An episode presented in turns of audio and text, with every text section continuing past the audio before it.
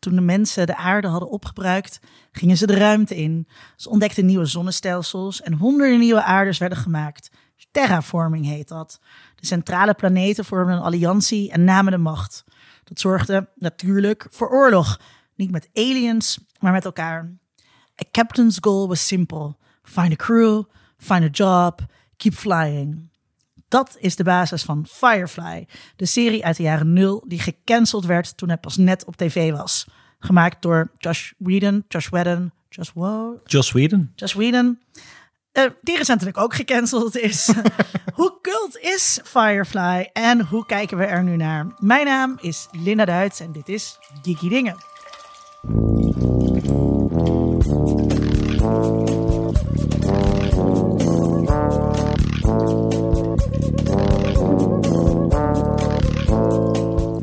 Naam is Tom Aalmoes en ik lijk denk ik het meest op de Dog en Wash een beetje gecombineerd in elkaar. Waarom?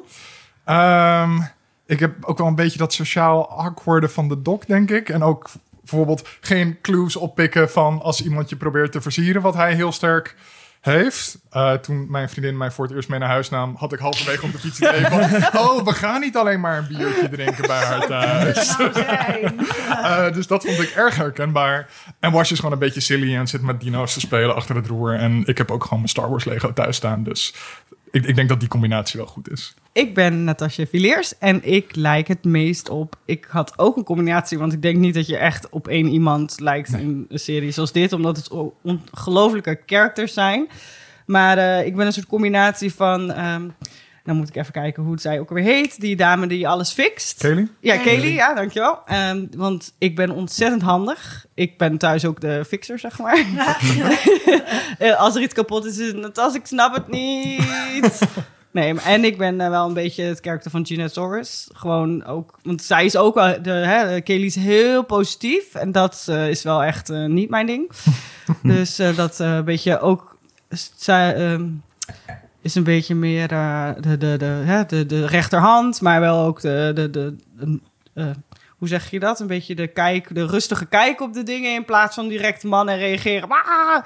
En dat, dat is ook niet helemaal mijn ding, maar het is een mooie combi van die twee, technisch en eh, gewoon een beetje de kanten bewaren.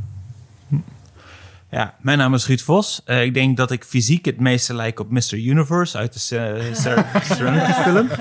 Eh, maar qua persoonlijkheid denk ik dat ik eh, toch echt een leaf on the wind ben. Dat ik toch meer lijk op Wash. En dat heeft er ook zeker mee te maken dat ik een, eh, een, een vriendin heb die meer een warrior is en wiens schaduw ik altijd zal staan. Maar ook eh, denk ik omdat ik stomme grapjes maak en eh, dat, dat soort dingen. Mijn naam is dus Linda Duits. En ik lijk het meest op Inara Sarah. S- ja, ja, eh Ted. Nee. Ehm, ja, ik, ik denk dat zij eh, heel duidelijk weet wat ze wil. Niet in alle aspecten lijk ik op haar, maar ik vind haar wel eh, een zelfverzekerde vrouw die veel met seks bezig is. Ja. Ehm maar nu moet ik het natuurlijk opnemen, dat vergeet ik elke keer. Ehm u eh, hoorde het al, we hebben eh, twee gasten eh, vandaag. En we hebben een nieuwkomer in de podcast en dat is Ruud Vos. Je bent professioneel filmliefhebber. Zo noem ik mezelf graag, ja. Ja, ja. dat vond ik heel grappig om dat op je, op je cv te zien staan. Je maakt de podcast Duimpje Worstelen. Zeker weten. Eh, Duimpje Worstelen is een podcast waarin je samen met iemand anders een film bespreekt. Ja, elke keer heb ik een andere gast. En eigenlijk het idee van ik vind de film leuk en de andere niet. Of andersom. En dan, dan gaan we gewoon erover praten. Ja, een soort eh, battle over film, maar dan Ik- op een leuke manier. Je kunt zeggen battle, maar ik vind het ook gewoon vooral hilarisch om andere mensen mijn favoriete films te horen afkraken. En dat kapot te maken. Ja, en dat vind ik. wel Oh, een goeie, daar hou ik hoor. van. En wat, wat eh, lekker masochistisch. En wat betekent dan eh, duimpje? Waarom duimpje worstelen? Nou, Oh, dat- aan dat is een-. Dat is een verwijzing naar eh ehm, Ebert en Siskel. Die hadden het programma en dan gaven ze een duim omhoog of een duim omlaag. En nu heb je zeker één duim omhoog en één duim omlaag. En die gaan eigenlijk een soort van met elkaar duimpje worstelen. Dat, ik mocht eh laatste gast zijn, eh, wat Mhm. binnenkort wordt uitgezonden. En toen was ik ook alleen maar de hele tijd bezig met, ben ik aan het winnen, ben ik aan het winnen. dat kan je horen, wanneer? 30 juni. 30 juni. Eh, maar daarnaast schrijf je ook heel veel over film. Bijvoorbeeld voor Filmtotaal, Ja, voor Cine.nl, maar ook voor onze vrienden van Schokkend Nieuws. zeker weten. Superleuk. Ja, vooral op de zijn- website van Skokken Nieuws. Nee, niet het magazine. Nee, toch niet. Maar wie weet. Nee, ik- oh wacht. Nee, ik ga er niet op vooruit lopen, want ik heb er nooit over gehad om met een magazine te schrijven. Dus Julius, misschien, je bent hier in te gast geweest, misschien hoor je het wel eens ooit. Als ik ooit Julius, iets voor, luister, ja. Hi Julius. als ik ooit iets voor het magazine mag doen, lijkt me leuk. Maar ik wil er niet op vooruit lopen. Ik ken mijn grenzen. Julius, huur Ruud in voor het magazine. En anders dan zwaait er wat. Eh, daarnaast ook de gast, Natasha Villiers. Ik zag al voorbij komen, vriendin van de show. Dus, eh, Nou, ik had opgeschreven geliefde vriendin van de Oh show. my god. nou ja, ik ben altijd graag eh, te gast Ik vind het superleuk altijd als je er bent. En eh serie Freak, we zetten er altijd bij. Als je een beetje iets wil weten wat er speelt in Serieland, dan moet je Natasha volgen op Twitter, @natashav.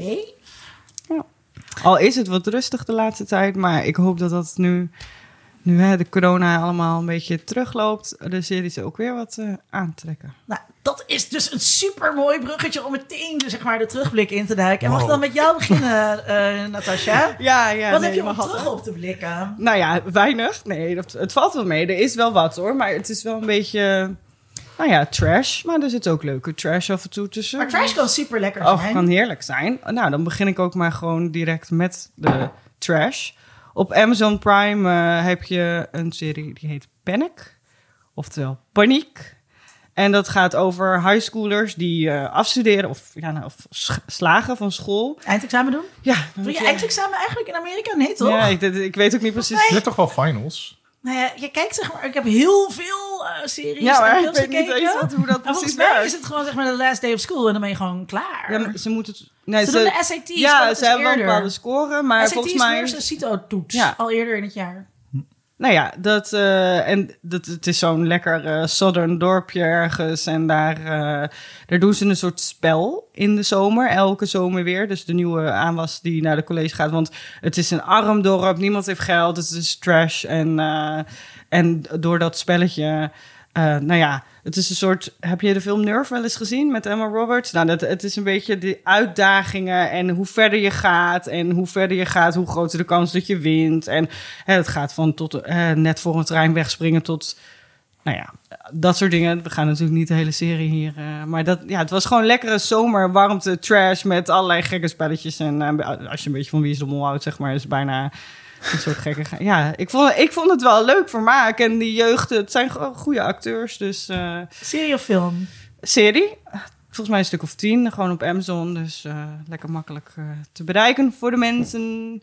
En gewoon zo'n middagje, weet je wel. Zo per ongeluk op zondag iets aanzetten en s'avonds is het weer klaar. Lekkerder kan je het niet hebben. Dat is waar ik van hou. Ja. Had je nog iets anders? Ja, heel tegenovergestelde. HBO, en The Mayor of Easttown. Kate Winslet, die een eh, politieagent is in eh, Pennsylvania. En het gaat, nu, het gaat in de basis over een, een, een moordzaak, maar het gaat eigenlijk veel meer over haar persoonlijke leven en het drama die, daar, die zich daarin voltrekken. En het- wat, wat, wat eh, vond je ervan? Want ehm, ehm, ik, ik heb heel enthousiast... eh, sommige mensen waren echt loei Mhm. enthousiast. En het is zo bijzonder. En Kate Winslet, die deed geen make-up op. Ja, nee, En ja. Ze is heel echt of Nou zo. ja, ze is wel heel echt. En haar accent, ja, het is natuurlijk heel stijf Brits eigenlijk, haar accent. En ik vond het heel goed, want ik moest echt weer even denken... oh ja, hoe klinkt zij ook weer in het echt? Want eh, Ik vond het dus heel onnatuurlijk klinken. ja, eigenlijk. oh Ja. nee. Ik- nee, daar had Wat ik dan niet toch? zoveel moeite mee. Ja, nee, ik, ik, ik, ik heb dus echt alleen maar de eerste aflevering gekeken. Heb ik ook wel eerder gezegd. Maar ik, Want ik, daarmee gestopt? ehm, ik vond die eerste aflevering in ieder geval... Dus iedereen zegt, hey, dan moet je echt voorbij kijken. En dan ben ik nog wel echt van plan. Dus dat zeg ik er alvast vooraf. Ehm, maar die eerste aflevering vond ik heel erg soort van die cliché setup van een moordzaak die gaat komen. En dan wordt een meisje geïntroduceerd. En dan weet je al van, dit is het meisje dat doodgaat. Het gaat gebeuren. En dan inderdaad aan het eind van de aflevering is ze En dood. er is een kap met Eh, een probleem met zijn huwelijk. Ja, maar, dat is inderdaad. Nee, maar dat, dus, en, dat, en dat. En het is een community waar alle mensen het heel zwaar hebben. En de kop bedoelt het goed, want die kent alle mensen in de community heel goed. Maar en die helpt ze wel, maar het is een beetje ongemakkelijk soms. En, Heb je liever Twin Peaks, waar je gewoon meteen al het meisje in het begin, in het ziet voorbij drijven? Of? ja, Ik moest dus heel dat erg aan voorspel Twin niet Peaks zo. denken. Oké. Ik vond het heel ik, erg vond het, Peaks. het vond, ik vond het veel meer True Detective, maar dan met vrouwen, een beetje. Hmm. Het was heel erg vrouwgericht, want hè, Jean Smart eh, speelt haar moeder. En eh, het, het- dat vond ik... Maar het was niet een soort van gepusht. Het is de, de vrouwelijke versie van zoiets of zo. Het was gewoon heel natuurlijk. Het, het was gewoon, ja... ja ik vond het dat, dat vond ik heel prettig. Ik vond het inderdaad prettig dat ze er normaal uitzag. Maar ik dacht nergens, jezus... Is het, het is nou heel bijzonder of zo dat ze geen make-up op heeft. Ja, maar, of, maar ik eh, begrijp dus ook niet waarom dat dan zo bijzonder moet zijn. nou ja, in dat ze- Amerika... Het was ook niet dat ze lelijk was of zo. nee, Nee. want het is Kate Winslet. Ja, Ja. precies.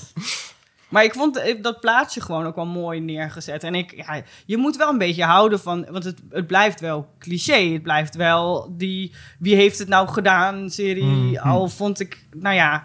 Ja, dat, het is de, Evan Peters zit erin voor het eerst in een soort niet-psycho-rol. Nou, de, ik heb echt vijf minuten soort gillend op de bank gezeten van... wat de fuck gebeurt hier? Dit is een hele normale man, weet je En wel? Peters die we vooral kennen van American eh, horror, story. Ja. En Ja. altijd een beetje de creep of de gek. Of eh, die was een hele brave, lieve. Hij leek dus een beetje afgevallen en zag er in één keer knapper uit, vond ik. Ah, oké. Nee, nee, ik vind hem nooit knap, maar dat, eh, Of misschien was ik gewoon aangetrokken tot hem nu die een keertje niet inderdaad een zak ja, dat is misschien. Hou je van normale mannen? Nee. Wat? Nee. Nee. Nee, maar het, ik, nou, ik vond het gewoon eh, sowieso lekker wegkijken. Maar het, en het was goed, maar we, het was gewoon een goede serie. Het was ook niet briljant of zo. Want het was, je hebt wel een beetje gelijk. De clichés blijven wel komen. En je ziet wel een beetje aankomen wat er gaat gebeuren. Wie, weet je, nou ja. Maar dat is, ik vond het niet erg, want het ging mij niet zozeer dus over wie het gedaan heeft. Maar veel meer de struggle van Kate Winslet, zeg maar, haar character zelf. En hoe zij hè, met de, de dood of de zelfmoord van haar zoon omgaat. En, en hoe dat, ja, nou, ik vond het mooi om te zien. Dus eh, dat is echt een aanrader. Ja. Daardoor deed het mij dus best wel denken aan Twin Peaks. En dan dus vooral, eh, zeg maar, de oude Twin Peaks. Waarin het bovennatuurlijke nog minder een rol speelt. En het gewoon Ja. echt gaat over, oké... hè, dus je hebt zo'n klein, eh, zo'n kleine gemeenschap en er is een moord eh, gepleegd. En dan kom je erachter dat er van alles mis is in die Ja. kleine Ja, gemeenschap. wel duisterlijk om bovendrijven. Ja, en dat allerlei mensen het met elkaar doen. En dat er, dat er eh, verschrikkelijke dingen gebeuren die gewoon gebeuren in dat soort kleine Ja. gemeenschappen natuurlijk. Ehm, en ik, ja, iemand zei, dit is echt de beste serie van de laatste tijd. En dacht ik, nou oké, maar dat zegt dan eerder iets over ook de kwaliteit van de andere series Dat die ook. er nu zijn dan dat dit nou zo goed is. Ik vond wel het acteerwerk echt eh, van een ander level dan de meeste series van deze tijd hoor. Want die, die vier vrouwen die daarin zitten, die, ook die dochter, die is ook heel Brits hè. Die is ook super... die lesbische dochter van Kate Winslet. Ja, die is, die is ook heel. eh, ik hoorde een interview met haar. Heel braaf, heel lieflijk, mooi, dat Britse. En ja, ik, dat, dat vind ik zo knap als je dat helemaal weg kan toveren. En ik snap dat je misschien even een aflevering Ja, nodig hebt, omdat. om daar te wennen. Ja. Ja. Net Wacht dat, maar tot ik gevraagd word Waar- voor undercover. Ja, nou ja, precies. Nee, wat ja, ik je accent is al beter dan sommige eh, Belgische accenten van Nederlanders in die Daarin serie. speel ik een Dus. speed dealer. Waar ik heel veel moeite mee speed, heb gehad. Speed, speed. Is hoe heet die Russische serie ook alweer met eh Chernobyl? Oh ja. Waar ze allemaal Chernobyl? maar. Ja. Ja. Ja, waar ze allemaal maar Engels bleef praten. En ik dacht alleen maar, ja, maar de- wat, deze mensen praten toch niet Engels? Wat is dit voor iets raar? Daar heb ik echt wel Maar ook drie allemaal Britse afleveringen- Engels. Ja, ook. precies. Is- Nou, niet eens. Dat is het rare. Want sommigen Huh? praten wel Oh. met een Russisch accent. Anderen praten met een Amerikaans accent. Dus Oh. gewoon met een... Oh. Nou Ja, vond dat was een best. weird, Ja, ja. Ja. Maar ja, dat deed, uiteindelijk doet het ook dus niet echt af aan de serie. Maar ik snap wel dat het heel veel invloed voor je kan hebben. Ja, en Kate Winslet kan daar niet rondlopen in de Midwest en ondertussen Brits praten. Dat, Nee. dat zou heel raar zijn. Ja. Ja. Ehm, Ruud, wat heb jij gezien, gelezen, gegamed? Nou ja, sowieso vandaag is de eerste aflevering uitgekomen van eh, seizoen 5 van Rick and Morty. eh dag Oh, van ja. opnemen. Dus eh, die heb ik gekeken. Veel plezier natuurlijk. Maar waar ik ook aan eh, ben begonnen en vrij vlot al doorheen ga... is eh, het boek eh, The Tao of eh, Bill Murray van Gavin Edwards. Ik weet niet of dat jullie iets weten van de publieke personen van Bill Murray. Nee. Ergens een beetje begin rond 2000 of zo kwamen er, begonnen allemaal van die verhalen op te komen van mensen die ergens over straat hadden gelopen. Meestal in New York of ergens in eh, Kansas, en misschien een andere plek of zo. En ineens wordt er, worden zo twee handen voor, voor hun ogen gedaan en zo. En dan horen ze de stem zeggen van guess who. Ik kan iemand plaatsen van, het klinkt als een bekende stem, maar ik weet niet helemaal precies wie het is of zo. En gaan die handen weg, kijken ze om en staat er ineens Bill Murray. en... Het eh, is zo'n Bill Murray ding Ja. Precies. En vervolgens gaat hij naartoe en zegt... No one will ever believe you. Oh, dat is En het zijn allemaal van dit soort citaten. Allemaal, eh, anekdotes. Dat hij eh, bijvoorbeeld frietjes had bij iemand. Of een hijsje neemt van een sigaret. Of wat dan ook. En het eindigt altijd met diezelfde punchline. No one will ever believe you. En dat werd zo'n ding. Ja. Van, is het nou echt of niet? Of wat moet hij Is van geloven? En eh, tijdens een interview werd hij mee geconfronteerd. En bleef hij ook lekker mysterieus daarover. Zo van, oh, dit zijn wel hele rare dingen. En dat soort dingen. En maar eh, op een gegeven moment ontstond er dus... Want dit, dit zijn dat de tijden waarin we leven. vastgelegd- Dat moet toch op foto of film vastgelegd zijn? Precies. Op een gegeven moment gingen mensen mobieltjes bij pakken. Dus als hij dan op een feestje op kwam dagen en ging mee karaoke, stond hij ineens op de, de, de foto, op de film en zo dat soort dingen. En zijn boek met een verzameling van al dat soort verhalen van Oh, wat leuk. alle gekheid waarin hij, hij zich heeft eh, gestort en zo. En hij wordt echt neergezet als een soort van Loki-figuur of zo'n zo'n trickster god. Die, die allemaal van dit soort rare stunts uithaalt. En daardoor, eh, ehm, hij is eh, ja, ook gewoon als hij aan het werk is of zo, doet hij dit soort dingen ook. Dus dat kan af en toe heel erg vermoeiend zijn voor mensen en dat soort dingen. Maar als je het accepteert en je erin onderdompt of zo, vindt- wordt iedereen er rijker van. Dat is een beetje de, de, het boodschap van dat boek. En dat vind ik heel leuk. Ja. Maar ik vind dus, ehm, eh, als je dan beroemd bent of zo, of je hebt die roem, dit is het allerleukste wat je met je roem kan doen. Ja, Ja. Gewoon, 100%. gewoon eh, andere mensen daar een soort van mee fucken en blij mee maken. Het ding is, dit deed hij al voordat hij die roem had. Oh, Het, ehm, Maar dan ga je toch... Dat is zeg Michaels- maar, alsof ik nu naar buiten loop. Maar jullie vinden dit niet ergens gewoon ook heel creepy? Ik hou wel, er niet maar- zo van dat iemand achter mij komt staan en ik had. En gewoon direct 100% een terecht. eh, Misschien heeft hij die elleboog ook gehad. ja. En Ja. misschien met veel plezier, maar hij blijft het doen. Dat, Nou ja, nee, dat- eh, nee, dat- ook als, als Bill Murray jouw frietjes jat. Ja, nee, Ga je dan nee. boos worden? Dat niet, maar ik bedoel meer fysiek aan mijn gezicht Oh, ja, zitten. ja, minder niet... creepy als het een beroemdheid is. Nee, dag. Zo gaat ja, nee, ja, misschien voor sommige mensen wel, maar... Nee. Mijn gezicht, aan, je gezicht aanraken, Linda, dat is toch fucking creepy. Minder Achter- erg dan mijn tieten. Ja. Ja, Dat was dus erg als iemand zo... ja dat Ja, doet wel echt, daar zo. zou ik iemand zeg maar voor stem van Bill maar- nee, ja, dat... Maar nee, nee, oké. Nee, ik wilde even peilen hoe jullie hierin stonden. Nou ja, ik vind het dus wel ik vind het interessant omdat celebrities zich natuurlijk veel meer kunnen veroorloven op de een of andere manier dan dat andere mensen kunnen. En dan is dit een van de. En, en het is ook wel. Mensen zijn best wel geobsedeerd door celebrities en willen graag dichtbij celebrities komen. Vinden ook, mensen vinden het dus ook zelf heel erg geoorloofd om celebrities lastig te vallen. Ja. Maar nou, daarom dus ook doe die je het gelijk- lekker terug. Daarom is ook die vergelijking met Trickster Gods. Van als wij nu zeg maar dat soort bekende mensen gaan aanbidden, dan is hij de persoon die De trickster. ook af en toe ook weer omdraait en, Ja. en ons confronteert met wat we zelf zijn en wat we zelf van dingen vinden. En daar zijn eigen lolletje uithaalt vooral. Want laten we Ja. wel wezen, hij doet het ook om zichzelf te vermaken. Ja, Ja. Ja? zeker. Dat heeft hij wel gezegd in interviews en zo. Maar ook is, misschien ook omdat hij boord is met celeb zijn. Ik heb altijd zo, sowieso het idee dat... dat Maar hij deed dit soort dingen dus ook al een beetje voordat hij überhaupt beroemd werd. Zoals Lauren Michaels van Saturday Night Live, die vertelt ook zijn verhaal dat eh, ehm, hij had Bill Murray gevraagd om een auto van hem op te halen in Los Angeles, in ieder geval de andere kant van het land. eh, eh, toen hij al in, net in eh, New York was gaan wonen vanwege Saturday Night Live. En Bill Murray die deed er veel langer over om die auto te brengen. Die was echt wekenlang te laat terug of zo. Dat hij op een gegeven moment Bill Murray ging opbellen van... waar ben je nu? "Eh, ik ben in Florida. Florida, ligt hij helemaal niet op de route? Nee, maar... Maar op een gegeven moment brengt hij dus die auto terug. eh, eh, weken te laat. Maar er zat wel een nieuwe top-of-the-line stereo in... die Bill Murray had betaald. Want die dacht van, nou, is Oh, terug. Dus er zit wel altijd zo'n dimensie aan van...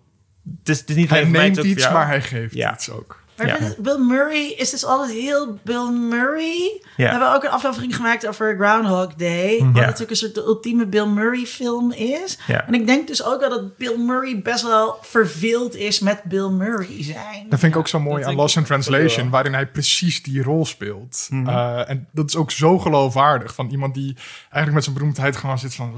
Wat moet ik er nou mee? Nou ja, Ja. ehm, ik vind ook On The Rocks, die laatste film van Sofia Coppola, wat dat betreft interessant. Omdat hij daarin ook een oudere versie speelt van eigenlijk wat hij in het echte leven is. Ook iemand die, die nogal wat vreemd gaat en dat, dat soort dingen. Dat heeft hij in het echt ook best wel wat gedaan. Ehm, maar dus ook hoe zijn dochter daarmee omgaat en wat dat voor haar betekent. En ook voor haar eigen zelfbeeld doet. Mm. En dat, dat zijn interessante spanningsvelden daarin. Dus hij is daar inderdaad nog steeds die, die super charmante Bill Murray figuur die altijd is. Maar dus je ziet ook de schaduwkant ervan. Mm. En dat, dat maakt het ook wel weer leuk. Interessant. Ja. Oh, ja. eh Linda keek me aan en ik dacht van ja, hoezo? Maar eh, dat is natuurlijk omdat ik terug moet gaan blikken. Ehm, Nee, heb- ben, ben misschien de Ruud moet ophouden met praten. oh, nee. Ehm, ik eh, heb een, een, een bruggetje vanaf Bill Murray, de Trickster God, naar Loki, de Trickster God. Want die heeft natuurlijk nu zijn eigen Disney Plus serie. En die eh, valt me heel erg mee. Die is heel erg leuk. Ik, ik was met Falcon and Winter Soldier, die vond ik toch wel minder. En One- WandaVision vond ik wel oké. eh, maar ook niet heel memorabel uiteindelijk. Pardon? Nee, uiteindelijk, uiteindelijk gewoon nu met een paar maanden afstand zit ik gewoon een beetje van... Ja, was leuk. Wat dan Maar, nog? maar, maar Evan Nou, Peters zat dat- erin. Ralph Boner. Ik Sorry. vond dat wel bijzonder. Gewoon omdat het niet zozeer... Ik vond het heel creatief en heel Mm, vernieuwend ja, ja, ja. en heel Ja. anders. Want je ziet zeker in die Marvel en Disney business soms zoveel van dezelfde soort shit... dat ik echt denk... dat- Ja, maar aan het einde verviel het daar weer toch weer een beetje in met die actiescènes en... en Ja, het ja de- die beetje laatste op- aflevering ja. was zeker het minst dat Ja, in de lucht... en dat, eh, dat, dat heeft het toch een beetje voor me verzuurd uiteindelijk, denk nou, ik. nou, jammer. Terwijl ik het toch wel interessant vond. Ik- Zeker die eerste paar afleveringen Ja, waar ze echt speelden met dat format. Ja, dat vond ik, vond hartstikke sterk. Dat je ook niet door had wat er eigenlijk nou Ja. aan de hand was. En, Ja. Nee, oké, nee. Ik was Nee, nee, dus, dus, nee, nee, maar dus in dan die meer had ik vooral zoiets van, ja, wat dacht je dan dat zou worden? Tuurlijk zou dit worden. Maar Ja, daarom heb ik er maar dan vind ik het nog steeds gestoord. jammer dat het dat geworden is. Oké. Ehm, en ehm, wat ik leuk vind aan Loki is dat het eigenlijk een beetje ehm, ziet hoe absurd het Marvel-universum is. Eh, dus Loki, eh, zo, dit moet de diepte Marvel-lore in om dit uit te leggen, maakt eigenlijk niet zoveel uit. Op een gegeven moment gaan de Avengers terug in de tijd om iets uit 2012 te halen uit de or- originele Avengers-films. Loki doet daarin iets anders dan eigenlijk de bedoeling was. En gaat daarmee los van de originele timeline. En dan komen, komt de tijdpolitie om hem op te pakken. Eh, omdat hij van de Sacred Timeline afwijkt. Ehm, Ik zou zo graag bij de tijdpolitie willen werken. Ehm, en dan de detective die Loki's case gaat doen is Owen Wilson. En Owen Wilson is soort van de perfecte tegenspeler voor de 2012 Loki. Want Loki gaat in de films door een hele karakterontwikkeling heen. Maar die wordt weer gereset naar 2012, waarin hij de trickster god is. Die zegt, ik ga de wereld veroveren. En het wordt majestueus. En iedereen zal voor mij knielen. Moehaha. Eh, en Owen Wilson zit daar tegenover. En als je dan de wereld veroverd hebt, wat ga je dan doen? En dan, dan zie je Loki een beetje van, eh, weet ik veel wat ik ga, ga doen. Nee, ik heb helemaal geen plannen voor verder. en, en Owen Wilson is daar gewoon een soort van, omdat hij die, die deadpan humor heeft en, en bijna een beetje, I don't know, niet anti-charismatisch, maar gewoon dat hele droge. Ehm, is daar perfect tegenover. En de, de leukste scènes in die hele serie is natuurlijk heel plot met, eh, meerdere tijdlijnen en zo. Maar de leukste scènes zijn gewoon Tom Hiddleston en Owen Wilson tegenover elkaar, die het over Tom hun karakters Hiddleston hebben. speelt Loki. Loki, ja. ehm, Maar is het dan Ja, niet is heel leuk. ook dat, dat wat je nou net zegt bij eh eh WandaVision, is het dan niet ook gewoon heel erg Marvel? Is het niet Kan ik dat dit vechten? kijken alleen vanwege Owen Wilson? Nee. Nee, het is, het is nog steeds een Marvel-serie. Tuurlijk, laten we wel wezen. Maar ik vind dat, Maar het, dat het daar leuk oké, mee maar heb je omgaat. dus veel Marvel voor kennis nodig? Ja, want ik denk dat die eerste vijf minuten van die serie niet echt ergens op Dit slaan. zijn niet de goede antwoorden die we willen Nee, nee hebben. dit, dit zijn niet de antwoorden die je wil, maar dit zijn wel de antwoorden die eerlijk zijn, helaas. Ik, nou, ik heb wel een, eh, een andere podcast, Big Picture, erover gehoord. Dat iemand erover begint die geen enkel interesse heeft in Marvel. En die zoiets had van, ik ben het gaan kijken. In ieder geval met dat de andere presentator het vroeg. En Ja, ach, het keek wel lekker weg. Dus er, Ja. er zitten wel wat de mensen aan van... je kunt wel dingen overstaan als je gewoon accepteert van... nou, dit is wat, wat er nu is gebeurd, denk ik. Ik heb hier een kennis. Maar er wordt wel ook wel redelijk... er wordt wel veel kennis ingegooid. En als je dat gewoon denkt van... nou, dat zal verder wel... en ik ga verder vooral letten op Ja, wat er in ik denk dat de het op die manier het wel zou kunnen kijken. Want dat inderdaad. werkte dus niet bij WandaVision. Voor mij Nee, want WandaVision bouwt emotioneel ook heel sterk door op wat er daarvoor is gebeurd. En met Loki is het dus... Loki wordt zelf al gereset naar een versie van hem in 2012... die heel eendimensionaal is op dat moment. En vanaf dan gaan ze weer opnieuw uitdiepen. Eh, dus dan heb je ook niet die kennis van die twintig films tussen de Avengers en eh, Endgame. Eh, die heb je niet nodig, want daar gaan ze niet op in verder echt. Ehm, dus op die manier zou het misschien toch dan wel kunnen. Maar het is gewoon, het is gewoon leuk. Ik, Maar ik- je had daar al moeite mee met WandaVision, dat je het niet snapte? Of, eh? Nou ja, kijk, ik vond de eerste aflevering van WandaVision wel eh, ge- gek, maar ook wel heel leuk. Omdat, oké, en je ziet dat dan heel duidelijk. Oké, we gaan door die decennia heen van sitcoms. En dat vind ik natuurlijk interessant.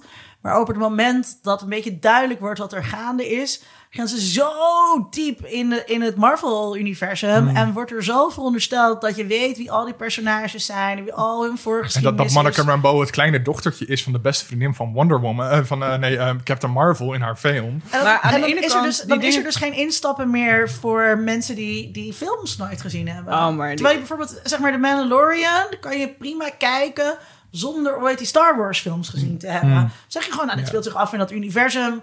Dat kan je voor granted nemen. Maar en, wat- en dan ga je kijken. Ik ervaar dat niet zo, want ik ben ook niet zo'n Marvel-muppet. ik heb misschien de meeste wel een keer gezien. Maar je hebt maar... de meeste films, ik, ik heb de meeste films nooit gezien. Nee? Oké. nee, dan, want het ging, er zijn ook een heleboel dingen over mijn hoofd vastgegaan. Maar dat, dat, dat vind ik dan niet zo erg. Ik hoef niet al die, eh, hoe noem je dat, die Je hoeft, niet al die, ja, niet al die easter eggs te begrijpen. Ja. Maar volgens mij hebben we dit al eerder gezegd. We hebben het al eerder gezegd in deze podcast.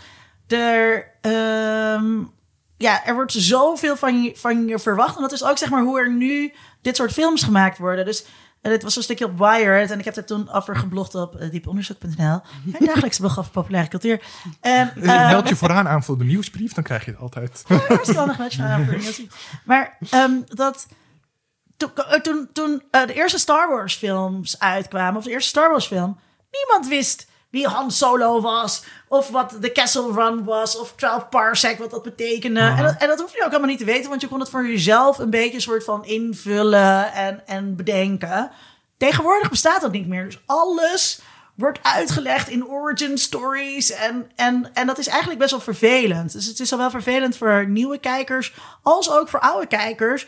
Eh, Want je moet dus zelfs, als je al die films gezien hebt, dan wordt het, het wordt een soort huiswerk dat je al die Easter eggs moet begrijpen en al die intertextuele verwijzingen. En dan is er altijd wel iemand die een YouTube-filmpje gaat maken, waarin het allemaal uitgelegd wordt. En nog een YouTube-film. En dat maakt dus het kijken naar dit soort dingen. Dit is ook exact waarom ik bij Westworld ben afgehaakt. Echt, ik snapte er op een gegeven moment... Nou ja, ik snapte het wel, maar het was gewoon allemaal... Of bij die Duitse serie waar veel te veel informatie... Dark. Veel te Ja, veel- ja, ja, ja. Ik had echt een schema voor mijn neus liggen op Ja. een gegeven moment... wie wat was Je in moet welk dat met je jaar. telefoon en kijken. en Ja. het, het vorige seizoen erbij gepakt. En, Maar, maar ik eh, denk tegelijkertijd dat voor heel veel mensen die hier dus wel fan van zijn, dat dat de lol is. Ja, het- dat, dat, het is- dat, dat dus is van. Dat, dat het lekker is om dan, dan heb je de aflevering gezien, dan heb je allemaal ideeën erover. En dan ga je online en naar Ja. fora en naar, naar YouTube-filmpjes. En dan ga je dat uitdiepen en over Ja. En En nadenken. dat het wel een beetje een balans is tussen waarin dat storend gaat worden en niet meer. Ja. Dat, Ja, dat- die ja, Game of dat Thrones niet de voorwaarden zijn om theories iets op een gegeven te- moment. ja. Oh. En dat, is, en dat is dus ook, volgens mij hadden we het hier over in de aflevering die we deden over de Matrix. Dat als je nu naar de Matrix kijkt, zeg maar thuis, dan kan je hem op pauze zetten en dan kan je even opzoeken hoe het ook weer zat. Dat- kon vroeger niet. En in een bioscoop kan dat ook niet. Nee. En je wil natuurlijk gewoon in een bioscoop zitten en een ervaring hebben. En eigenlijk wil ik dus ook thuis zitten en een ervaring hebben. Ja. Zonder dat ik naar eh, Wikipedia of naar een of andere fanwiki moet om te achterhalen welk jaar is het ook alweer, hoe zat het ook alweer met eh, de, de mythologie in Ja, deze serie. nee, dat is- Soms maar dat is te sowieso complexe bijna- werelden aan het, aan het, aan het bouwen. Of, of te, eh, je kan heel complexe werelden bouwen, maar het hoeft niet nodig. Je kunt gewoon ook als kijker dingen aannemen. Ja. En gewoon zeggen, nou, hè, wat ik net vertelde, weet je wel, er was een, er was een alliantie en er was een oorlog. Dat is een given fact. En dan hoef je Ja. niet per se te weten wat daar allemaal Nee, Ja, dus maar, maar als je dat met Loki voor de eerste vijf minuten kan doen, denk ik dat daarna die serie prima kijkbaar is. Ja. Eh, ik denk dat dat, dat dat goed te doen is. Ja, sowieso maar het is wel sowieso- de eerste serie. In scènes zat ik wel van... Oh ja, dit was, de, dit was een endgame. Of zo. Dat moet je Ik dan denk, wel... ik denk wel dat de, de boodschap hiervan is van als je een beetje twijfelt, dan probeer het. En dan kom je snel nog achter of het voor jou is of niet. En als je denkt van eigenlijk hou ik niet zo van, zou ik het toch moeten proberen? Nee. wacht, wacht af tot, tot je de eerste scène hebt met Tom Hiddleston en Owen Wilson. En als je daarna denkt, dit vind ik leuk, blijf hem kijken. En als je daarna denkt, Ik ga echt de hele tijd Ja. van... Ik ga het absoluut kijken naar... Oh mijn god, nee, dit is helemaal niks voor mij. Oh nee, laat toch maar weer. Ik, weet- ik kom er echt niet meer uit. Dat Ja. mag ook. Ja. Geen nee, probleem. gelukkig. Oh, en, en, en nog wel een heel leuk punt is dat ik de, de stijl van de serie heel erg leuk vind. Want alles eh, bij de, de tijdpolitie op hun kantoor is allemaal heel erg jaren 60 futuristisch. Dus een super leuk stijltje met allemaal retro telefoons en retro technologie in- en prachtig in- vormgegeven bureautjes. Ik wil zeggen zoals in Chernobyl, maar dat zijn de jaren 80. Ja. Maar de jaren 80 in de Sovjet-Unie waren natuurlijk de jaren 60. Ja, en dan wat kleurrijker. En wat warmer. wel. Wat minder grijs. Ja, dus ehm, als je van Marvel houdt, kijk het. Als je niet van Marvel houdt, geef het een kans. Ehm, en ik heb ook, want ik, we konden weer naar de bioscoop. Eh, ik ben naar de Oost geweest. Oh. Nederlandse film over het? ehm, eh, het Nederlandse huishouden in eh, Indonesië. Ehm, en één, hoe leuk was het om in de bioscoop weer te zijn? Dat was fantastisch. Ehm, want natuurlijk, groot scherm, grote ervaring. Goede muziek trouwens in die film. Maar dan komt die film zelf. En ik vond hem niet slecht. Het was goed gemaakt, goed geacteerd. Redelijk leuk verhaal. Of leuk, eh, redelijk goed verhaal. Maar het is wel, als je bijvoorbeeld Heart of Darkness gelezen hebt...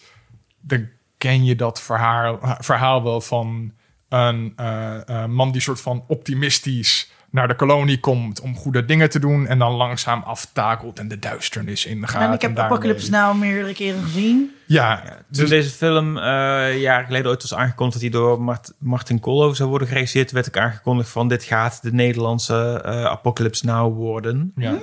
Inmiddels Martin is- Koolhoven.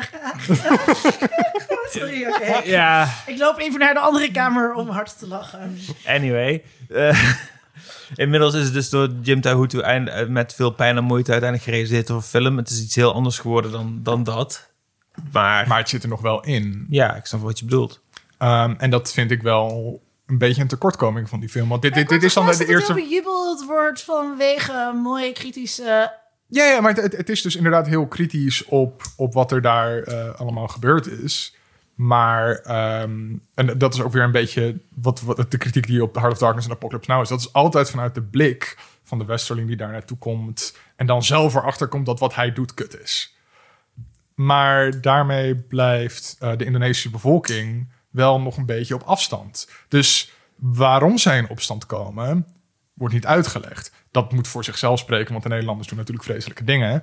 Maar alsnog, je hoort nooit een Indonesiër zelf iets vertellen over waarom hij doet wat hij doet. Nee, de film is echt volledig vanuit het Nederlands perspectief. Het is Ja. Nederland die naartoe gaat en die vraagtekens bij, bij begint te stellen. En wat dat betreft doet die film wel enigszins wat het moet doen. Want het, het zwengelt de, het debat erover Ja. aan. En daarom heb ik zoiets van, daarom is die film heel succesvol. Ja, Uh, maar ik ben, ik ben het er wel mee eens dat ehm, er had meer ruimte kunnen zijn in het verhaal voor de kant van de Indonesiërs. maar het, het is alleen het enige, de, de enige dialoog die een Indonesische vrijheidsstrijder op een gegeven moment krijgt, is dat hij het zinnetje in Indonesië Merdeka kan zeggen. In Indonesië moet vrij worden. Nou, er, Toch? is wel, rest- er zijn een paar dingen. Er is wel een eh, eh, kort gesprek met een eh Molukker die zegt van, het zijn Oh, ja. mijn mensen niet. Dus Ja. dat, is waar, dat, dat geeft Dat wel van ingewikkeldheid daarvan aan. En ehm, het eh, personage van eh Denise Asnam, die speelt zo'n prostituee.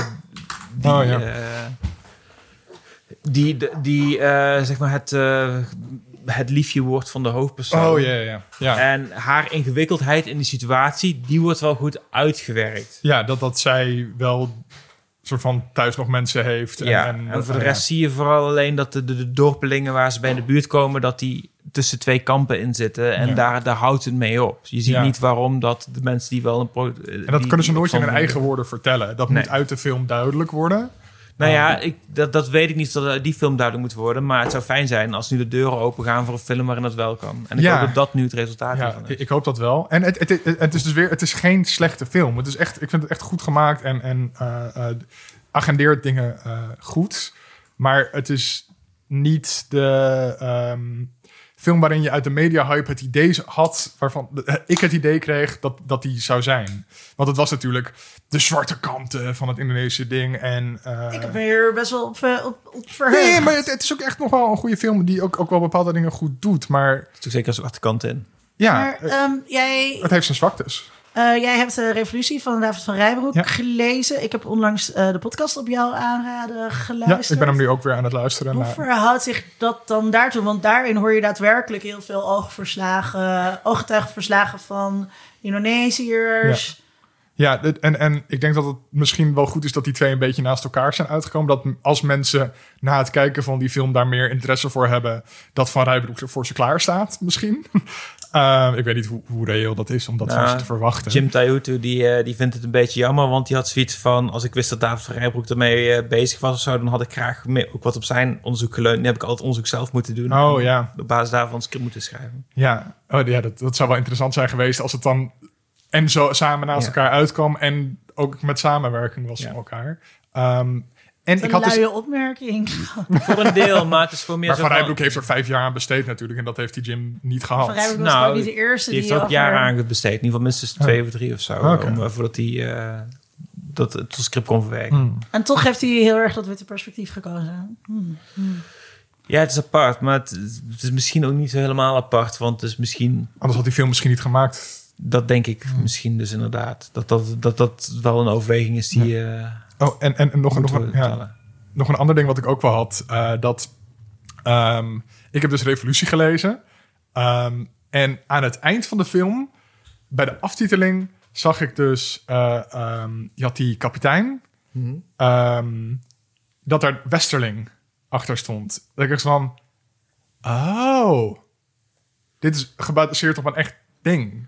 Ik Ik, ik, had dus het idee dat er gefictionaliseerd verhaal was ehm, over die oorlog. Maar het is dus daadwerkelijk gebaseerd op de historische eh, eh, major of kapitein eh, Ja, Raymond Westerling, De Turk, ja. de Turk. En toen vielen al die kwartjes. En ik had het uit de film zelf helemaal niet door. Eh, anders dat ze hem de Turk Ik- noemden. En dat ik zeg van, heb ik de naam de Turk ergens eerder gehoord? Ik vermoedde het wel een beetje dat ik de film zag. Dus ik heb het toen naderhand ook snel mogelijk opgezocht. Omdat eh, ik heb wel geschiedenis gestudeerd. Maar Ja. de, de- de Indonesië is niet zeker niet een onderwerp waarin ik me heb verdiept. Aangezien ik eh, toch vooral keek naar een paar duizend jaar daarvoor eh, Hmm. de Romeinen. maar Ja, het ligt toch Nou, maar dat waren ook geen lievelingetjes. zeker niet. Nee, nee, nee. Nee. Wanneer worden die eens aangepakt in de film? Daar ben ik benieuwd naar. Het klinkt allemaal een stuk interessanter, want je zegt je, eigen, ja, je eerste bioscoopervaring weer. Het Ja. doet me even terug eh, traumatiseren naar eh, een andere vriend van de show, eh, Sonny Kempkes en ik Ja. waren naar eh, eh, die nieuwe Saw, Spiral. Oh ja. Ik- Wat een ik, film om ik als wou eerste dat ik zeg maar, dit, ja, ik, ik weet ook niet waarom we dit deden, maar we waren inderdaad zo blij dat we naar een bioscoop mochten, dat we echt dachten, maandag, waar is die, welke kunnen we? En Ja. jij ging naar de Chunking Express eh, met Sony. Ja, precies. En eh, dus ik mocht. eh, maar wie Chris Rock toch heeft verteld dat hij kan acteren, die moet echt overal gevraagd worden.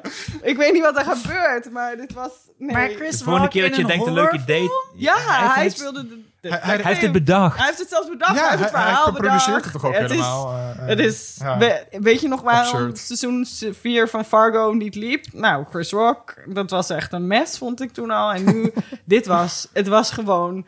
Sonny en ik zaten echt een soort van te gieren van hoe slecht het was. En, maar het was ook weer net niet zo leuk dat je dus dat het dan een soort cult Oh, of een soort lekkere, weet je wel, fout. goede hate watch. Het was gewoon zo slecht van begin tot eind. Ah. Ja, dat was echt dus dat ik dacht, oh ja, de eerste bij mijn, dit klonk tenminste nog interessant. Ja, Dus je Ik- denkt de volgende keer dat je, dat je een leuk idee hebt over een filmfranchise Chris Rock, dan schrijft hij maar gewoon een comedy routine. Ja, precies. Bye. Nee. Ja. Maar ja, dat was dus Toast. Ga Sorry, kijken. sorry. Belangrijke film. Ik heb eh, helemaal geen eh, belangrijke, eh, hoogdravende dingen gekeken. Maar ik heb lekker, lekker, lekkere platte kutfilms gekeken. Je noemde net nog Chunking Express. Nee, ja, maar die ging ik niet noemen in mijn terugblik. Want dat, was, dat is veel te artsy en hoogdravend. En wat wel grappig was trouwens, ik kende die regisseur helemaal niet. En toen was ik tweede lezer op een scriptie over die regisseur. Ah. Dan zat ik echt zo... Oh. Ja, ik weet precies waar je het over hebt, ja. Daar heb ik er gewoon verstand van. Nee, ehm, ik, eh, ik ehm, had niet zo heel veel tijd om dingen te kijken. Maar ik was gisteren brak en toen heb ik twee heerlijke films gekeken.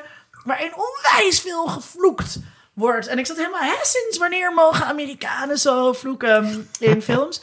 Ik begin met de nummer twee van dit verhaal, eh, Meet the Millers. Een film over een lowlife drugdealer die dan gevraagd wordt om eh, drugs de grens over te gaan smokkelen. Het is een beetje in de stijl van de Hangover. Ook met een paar acteurs uit de Hangover. En die hele vibe is zoals eh, die film. Dus er gebeuren gekke dingen, veel grapjes over seks, maar dan dus wel leuk.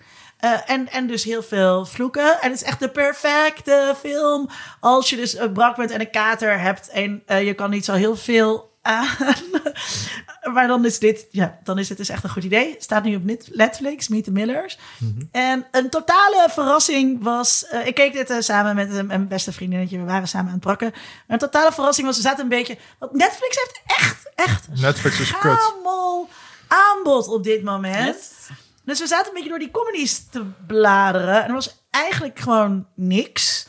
Maar toen zagen we eh, de film Bronze over een lokale, of een meisje dat dan derde was geworden eh, met eh, turnen.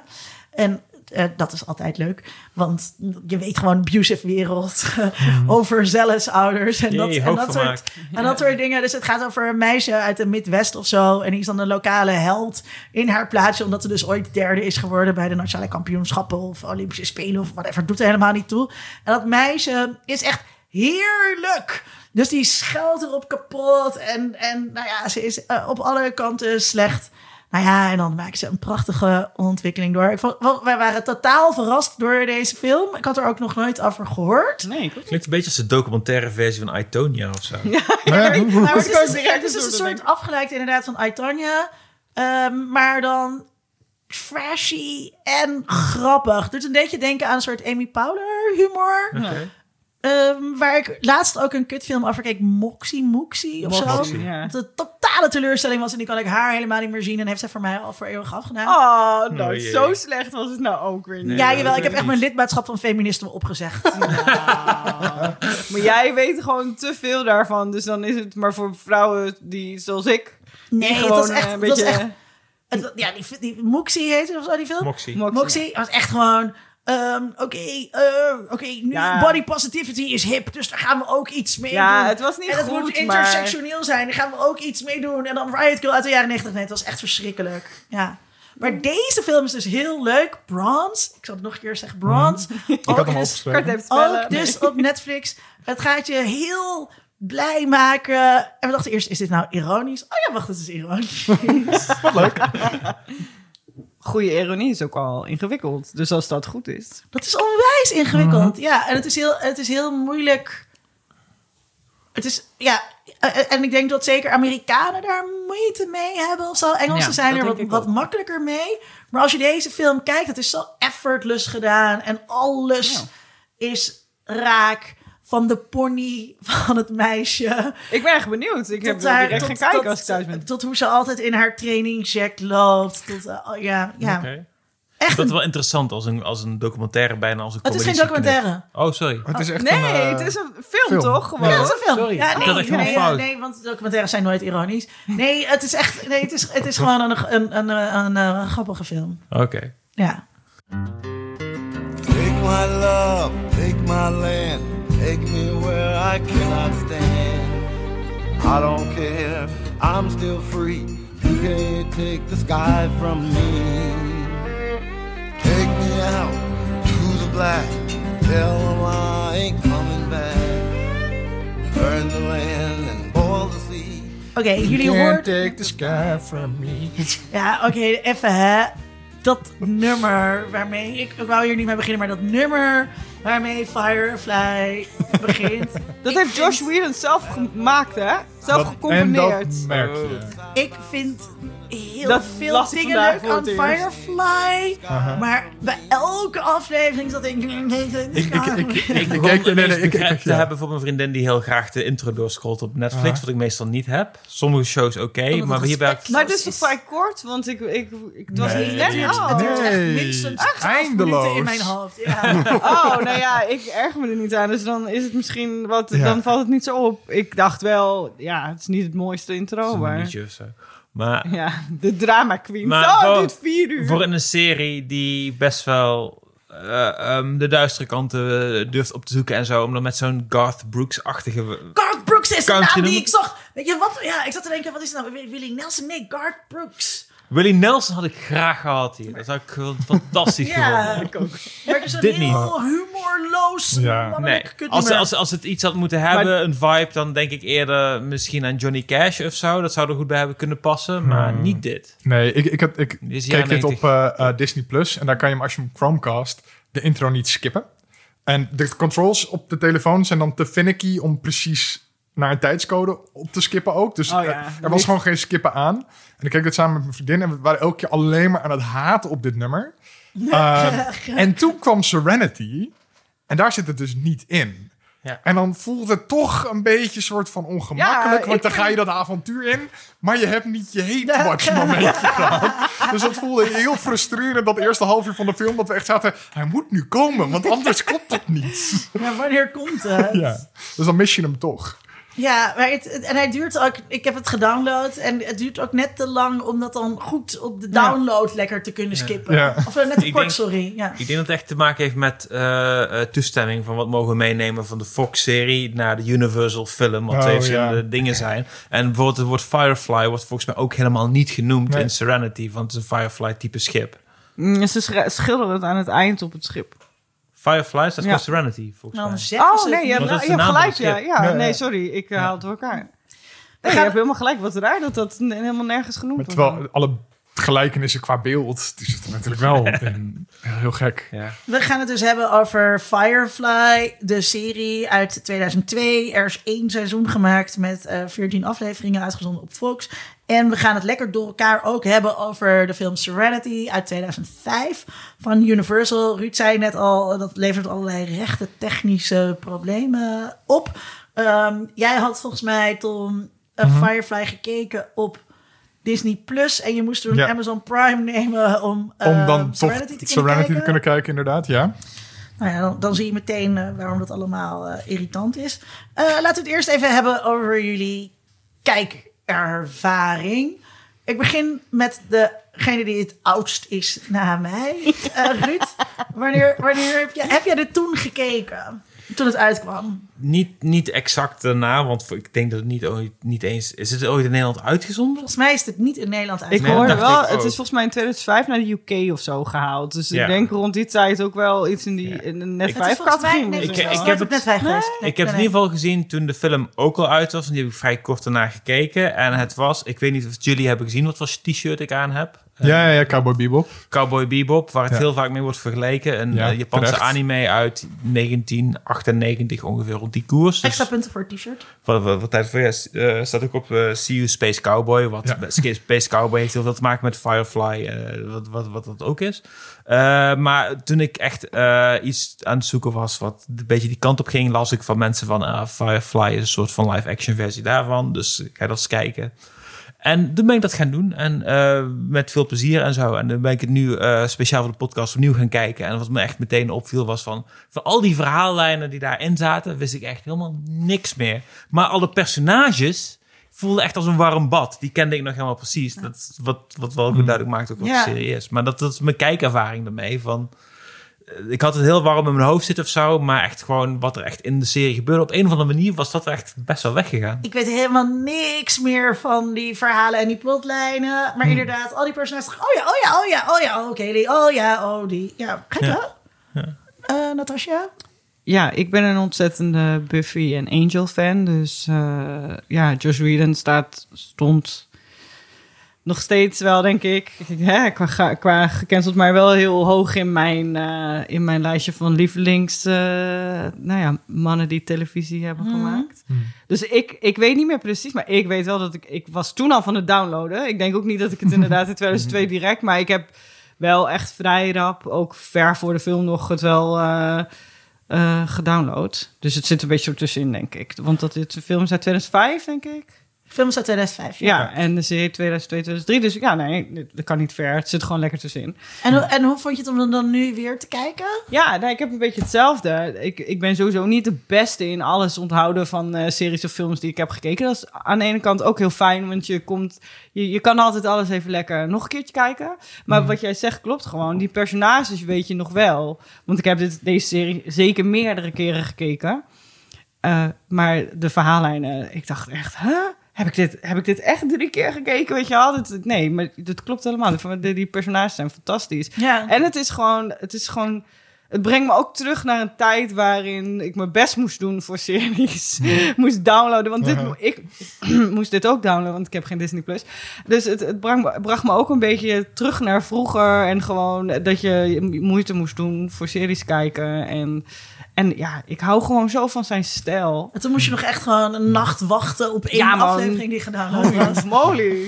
Good even- old days. Om ook even in te haken op wat je zei van ehm, dingen onthouden uit series en films of zo. Ik heb mezelf heel lang voorgehouden dat ik daar best wel goed in was en dat soort dingen. En dat ging bijna altijd over dingen die ik had gezien voordat ik 18 was. En Ja. pas later bedacht ik me van, wacht even, is het misschien ook omdat het voordat ik 18 was, dat ik toen ook gewoon heel veel tijd had om dingen te kijken en ook opnieuw te kijken. En Ja. ik daarom dingen veel makkelijker onthouden. Maar ik denk dat ik nog steeds best wel een beter. onthouden, Ja. betere, beter geheugen voor heb dan sommige anderen nog steeds over dingen. Maar nog steeds, ik snap wel dat ik dingen ben vergeten. Maar ik had echt zeg maar, laatst was ik ergens en toen kwam eh, Nana Cherry Buffalo Stand. En toen kan, kan ik helemaal meerappen. Ja. Ja. Weet je wel? Terwijl ik dat nummer nou echt niet eindeloos vaak heb geluisterd of zo. Terwijl nummer, dus er, er zit ook wel iets in je geheugen dat toen je kleiner was dat dat beter ging. Of misschien gebruikte ik toen gewoon Minder drugs. nee, maar het was, het was wel echt... Het, ik, ja, het is gewoon een ontzettende goede serie. Het is Hm. ook niet een soort... Het, he- het heeft ook... Die cultstatus verdient het ook gewoon echt. Ik, ik was me een beetje aan het verdiepen in waarom het... Of in, nou ja, gewoon waarom het dus allemaal niet zo goed is gegaan. En je kan 20.000 dingen de schuld geven. Maar... eh, Ga ik, ga, ik, ga ik het zo nog even Ja. over hebben. Eh, Maar eerst Ton, wat heb jij het toen gekeken? Eh, ik was toen eh, het uitkwam negen, dus ik had het op zich kunnen kijken, maar eh, dat, dat heb ik niet gedaan destijds. Ehm, dus ik heb hem nu voor het eerst gekeken. Voor Dus elke, elke keer met Tom is echt zo. Ja. Oh my God. Ah, Ja, maar het dat- eerst. Ja, maar dit is, er is hier gewoon een generatiekloof. Eh, Ja, maar dat is niet erg. Dat is niet erg. Ik ben gewoon Tijd voor de Tom heeft het voor het eerst gekeken, jingle. Ja, ja, ja, maar daar moeten we dit, dit, gaat gewoon op de bingo kaart hoor. Nee, maar ik- dit is gewoon iets moois. Ja. Ik ben gewoon jaloers dat jij nog steeds dingen voor het eerst in serie. ik had ook Buffy toen we dat gingen kijken, Ja, dat- keek ik dat ook voor het eerst. Geen Geniet er nog van totdat je een jaar of dat- 30 bent. Nee, maar dat was, jij kan wel zeggen dat je jaloers op bent. Maar het betekent ook dat... ehm, bijvoorbeeld toen we de aflevering over He-Man maakten. Dat is zelfs voor mijn tijd, wil ik even gezegd hebben. Maar, en toen eh, zaten we helemaal... "Jee, He-Man was zo fantastisch. Terwijl als je dat nu kijkt, als volwassene... Tom zat echt zo... Hoezo zijn jullie zo enthousiast over Maar tegelijkertijd was het ook Ja. wel heel grappig om, om dan met jullie nostalgie mee te gaan. Dus het was Ja. nog steeds wel leuk. Om de- ik heb echt twee afleveringen van He-Man gekeken. En toen had ik van, ik heb ze ook genoeg allemaal al gezien. Ja. Ja. Ehm, maar met dit was dus, ik, ik begon met kijken. En het was niet echt dat, je dan, dat ik dan gelijk soort van zat van, oh mijn god, dit is echt heel erg vet. Ik dacht, dit is leuk, ik ga dit lekker doorkijken.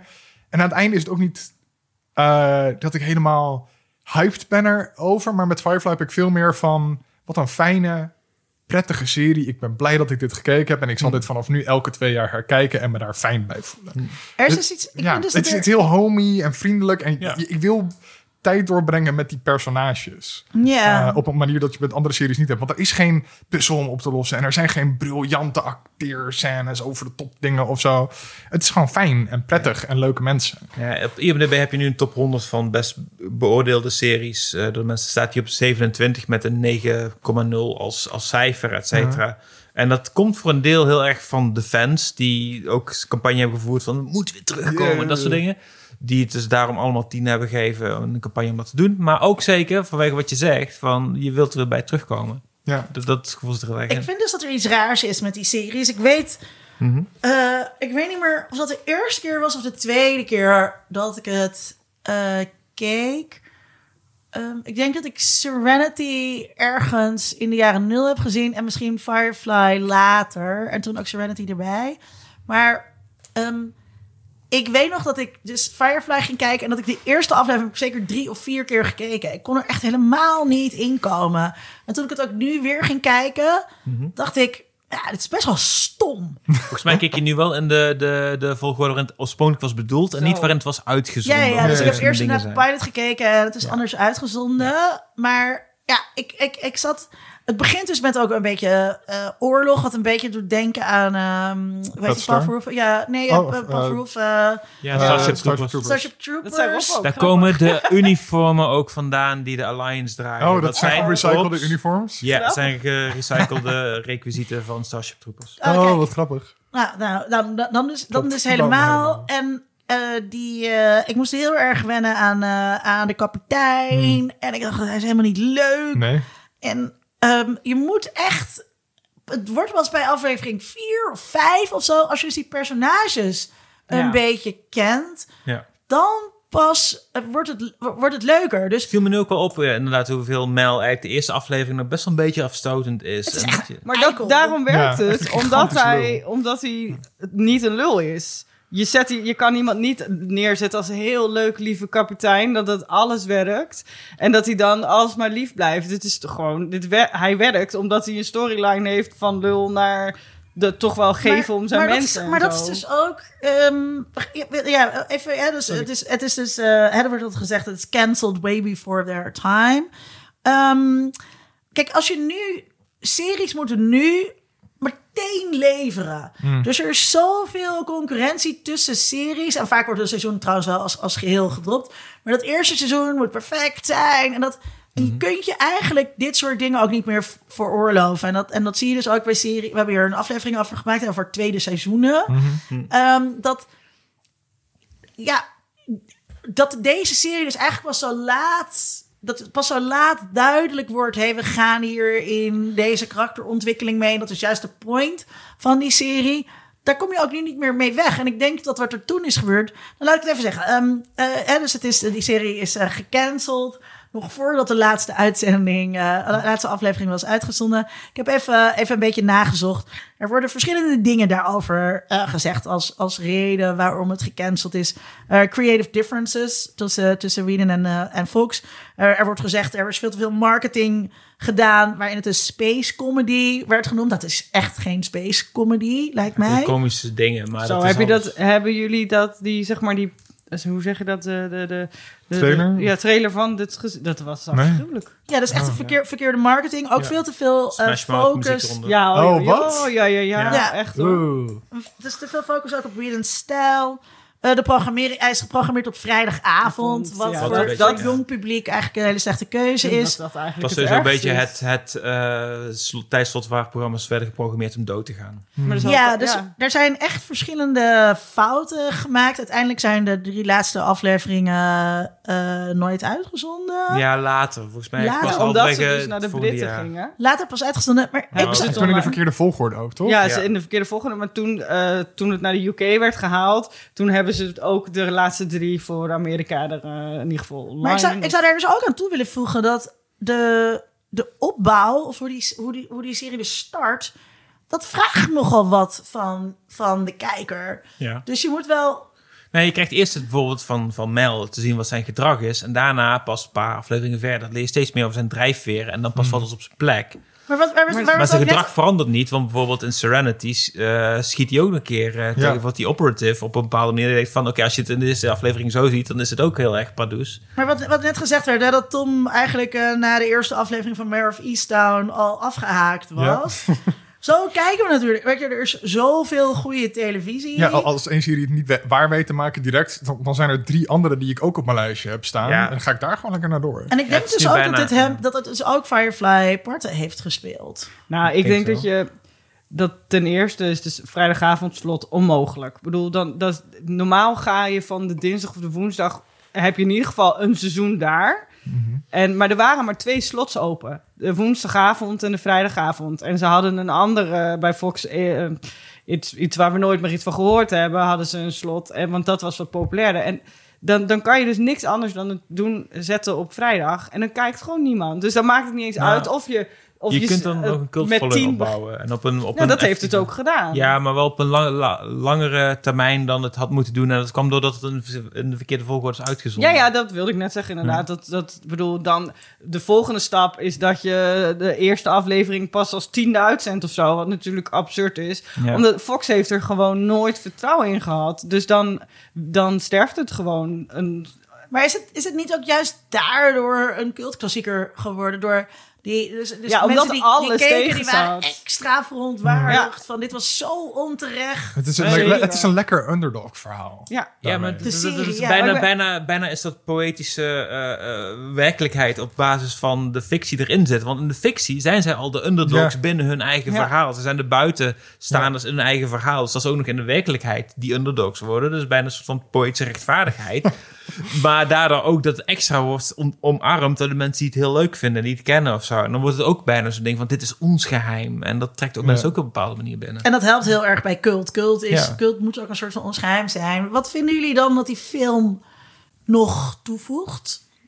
Eh, eh, het sluit natuurlijk bepaalde verhaallijnen een beetje af die in de serie opgeworpen worden, maar nooit de kans kregen om, om echt eh, helemaal uitgewerkt te worden. Dus nou, nou niet, voornamelijk River natuurlijk. Ehm, en dat ding van de Reavers, want je, Ja. door de serie heen worden de Reavers de hele tijd geteased, maar we krijgen ze nooit zeg maar, vol te zien. Dus dat krijg je. En het is de hele tijd onduidelijk wat er nou precies met River is gebeurd, waarom ze is zoals ze is. Ehm, en, en, en die twee worden nog even in Serenity afgemaakt, uitgelegd. Maar was dat nodig? ja, vind ik wel. Ja, sorry. Ja, nou, omdat je... Het is gewoon... Zonder die film vind ik het wel... Is het eigenlijk nog gewoon een beetje saai. En je weet, je weet, je hebt eigenlijk helemaal geen achtergrond. Zoals we net hadden over dat je... Hè, soms is het lekker om te kijken zonder van alles te weten. Maar dit was wel, zeg maar... Ik heb eh, eerst de film gekeken. Mm. Om met terugkijken. Want ik dacht, ik heb niet, niet alle tijd om alles te kijken. En dan, ik dacht, dan vul ik dus een beetje de terugweg in... met de, de goede afleveringen. Want er, zijn, er zitten natuurlijk mindere en eh, betere afleveringen in. Ja. En dat werkte, vond ik dus heel goed. Omdat ik daardoor alweer helemaal wist wat er gebeurd was. En dan zijn die characters dus nog veel leuker dan de verhaallijnen zelf. Want het verhaal heb je afgesloten. Dat was wat het was. En ik had het wel nodig om een beetje het grote plaatje af te maken. Dus een beetje weten dat, hè, dat, de, de, de- dat het wat meer achter zat dan alleen maar een groep mensen die ergens tegen vechten of zo. Of ergens eh, een soort. eh, de Alliance was. ja. eh, De Alliance was wat ba- bad, maar waarom waren ze dan? Weet je, wat was er nou echt zo slecht aan Ja. ze? De- dat, ik, dat vond ik wel prettig, ja. Dat, ik vond het, ja, ik vond En waar zou je dan ook, Natasja, zou je dan ook eh, iemand die dit nog nooit gezien heeft aanraden om eerst de film te kijken en dan de Nee, serie? nee, nee, want ik wist natuurlijk al wel een beetje wat er... Nee, je moet, wel gewoon met de goede aflevering 1 beginnen. Dat zou ik dan wel doen. Maar voor mij was het prettig omdat je dan alles weet. En daardoor zag ik dus ook hoeveel voor mij in ieder geval die film toevoegt. Ja, Tom? Ik, ik vond dat Serenity ook. ehm, het, het is natuurlijk drie jaar na het einde van de serie uitgegeven. Dus dan moet je aan die kijkers al die karakters opnieuw gaan introduceren. En dat zo- doet Serenity zo goed. In een soort sneltreinvaart. Ja, maar al die verhoudingen nee, neerzetten. hier is zij en hier is zij. Oh, hij Ja. is ook van de partij. Er is zo'n one-shot. eh, best Ja. wel effectief. Ja, eh, en dus misschien best wel Joss Whedon op zijn filmist. Ja, inderdaad. Want dat, dat, zou die, dat, dat merk je ook al. Los van het feit dat, dat Serenity er heel anders uitziet. Qua color grading, qua filmstijl. of zo. Maar ook, Totaal anders. ehm, ja, ja, het contrast en- is veel hoger. Ja, ehm, maar inderdaad met, met zo'n zo'n Warner door dat, dat, dat hele schip heen. Dat zouden ze in de serie nooit gedaan hebben. Eh, ook omdat je daarvoor natuurlijk veel te veel moet repeteren. Dat is veel te duur. En eh, alle de stukjes sets stonden op verschillende locaties. Hier Oh, hebben we ja. gewoon één Serenity gebouwd. Ah, slim. ja, Maar het is, ja, de productiewaarde van de film is duidelijk veel hoger. veel hoger. En ik vind dat eigenlijk eh, eh, niet veel toevoegen. Ik vond Nee. die, die extra lange CG-shots en zo... en dat het er allemaal super gelikt uitzat... Ja, vo- voegde voor mij weinig toe. Ik, ik, ik vond het in de serie nooit hinderlijk dat het, dat het er een beetje omheen... of dat er wat ruwer uitzag... of dat het gewoon weiniger in zat. Eh, dat je er gewoon duidelijk door had van... ja, het is gewoon in hetzelfde weiland weer... maar dan met een ander, ander gebouwtje op de achtergrond of zo, ja. Het is, het is zo grappig. Echt bij de, een van de eerste shots al, dan eh, zijn ze ergens. Oh ja, de, de, de, de woestijn in Californië. zo kla- klassiek cliché eh, science fiction. Ehm, we hadden het net al even over eh, dat personage van River. Laten we het daar eerst even over hebben. Sowieso, ik denk dat waar Josh Whedon heel goed in is, is personages neerzetten. Wie is River? Of wat is River? Een soort van hot take die je erop kunt gooien. Ik weet niet dat Doe jullie... eens een hot eh, take. Doe even een hot take, Ruud. Ik weet Hier niet of even de jullie jingle, bekend de zijn hot met- take van Ruud. Ik weet dat jullie bekend zijn met eh, eh, de YouTube eh video-essay-serie eh, Pop Culture Detective. Mhm. Die heeft zo'n ding gemaakt, eh, dat heette Born Sexy Yesterday. En zij Mhm. valt heel erg in die categorie. Ik weet niet, het is niet per se 100% een hot take. Born Sexy is- Yesterday. dat Als een soort betekent- trope. Ja. Ja, iemand die ehm, eigenlijk bijna uit het niets is ontstaan. In dit geval is bij haar gewoon van binnen heel veel gewist. Dus daardoor is zij een heel erg naïeve, rare figuur. Maar eh, ze pakt dingen heel erg snel op. En daardoor is ze een soort van hyperintelligent, maar dus ook naïef. En ze ziet er heel erg mooi uit. En in dit geval is het wat minder die trope van Born Sexy Yesterday, omdat er niet een mannelijke figuur naast is die ze daarmee moet inpalmen. Wat meestal het geval is, zoals bijvoorbeeld Lilu in The Fifth Element. Dus dat is misschien een beetje een spin op die trope. Ik moest ook Maar erg denken aan eh, in. Minority Report. Daar heb je toch ook eh, van die uh, helderziende... Ja, de helderziende. Ja, ja. Die, Ja, ze is- hulpeloze want- wezen, ook vrouwelijke Ik- wezens. daar, daar, daar doet ze dan misschien meer aan denken. Alhoewel ze er wel eh, fysiek meer appealing uitziet dan omdat de... ze haar heeft.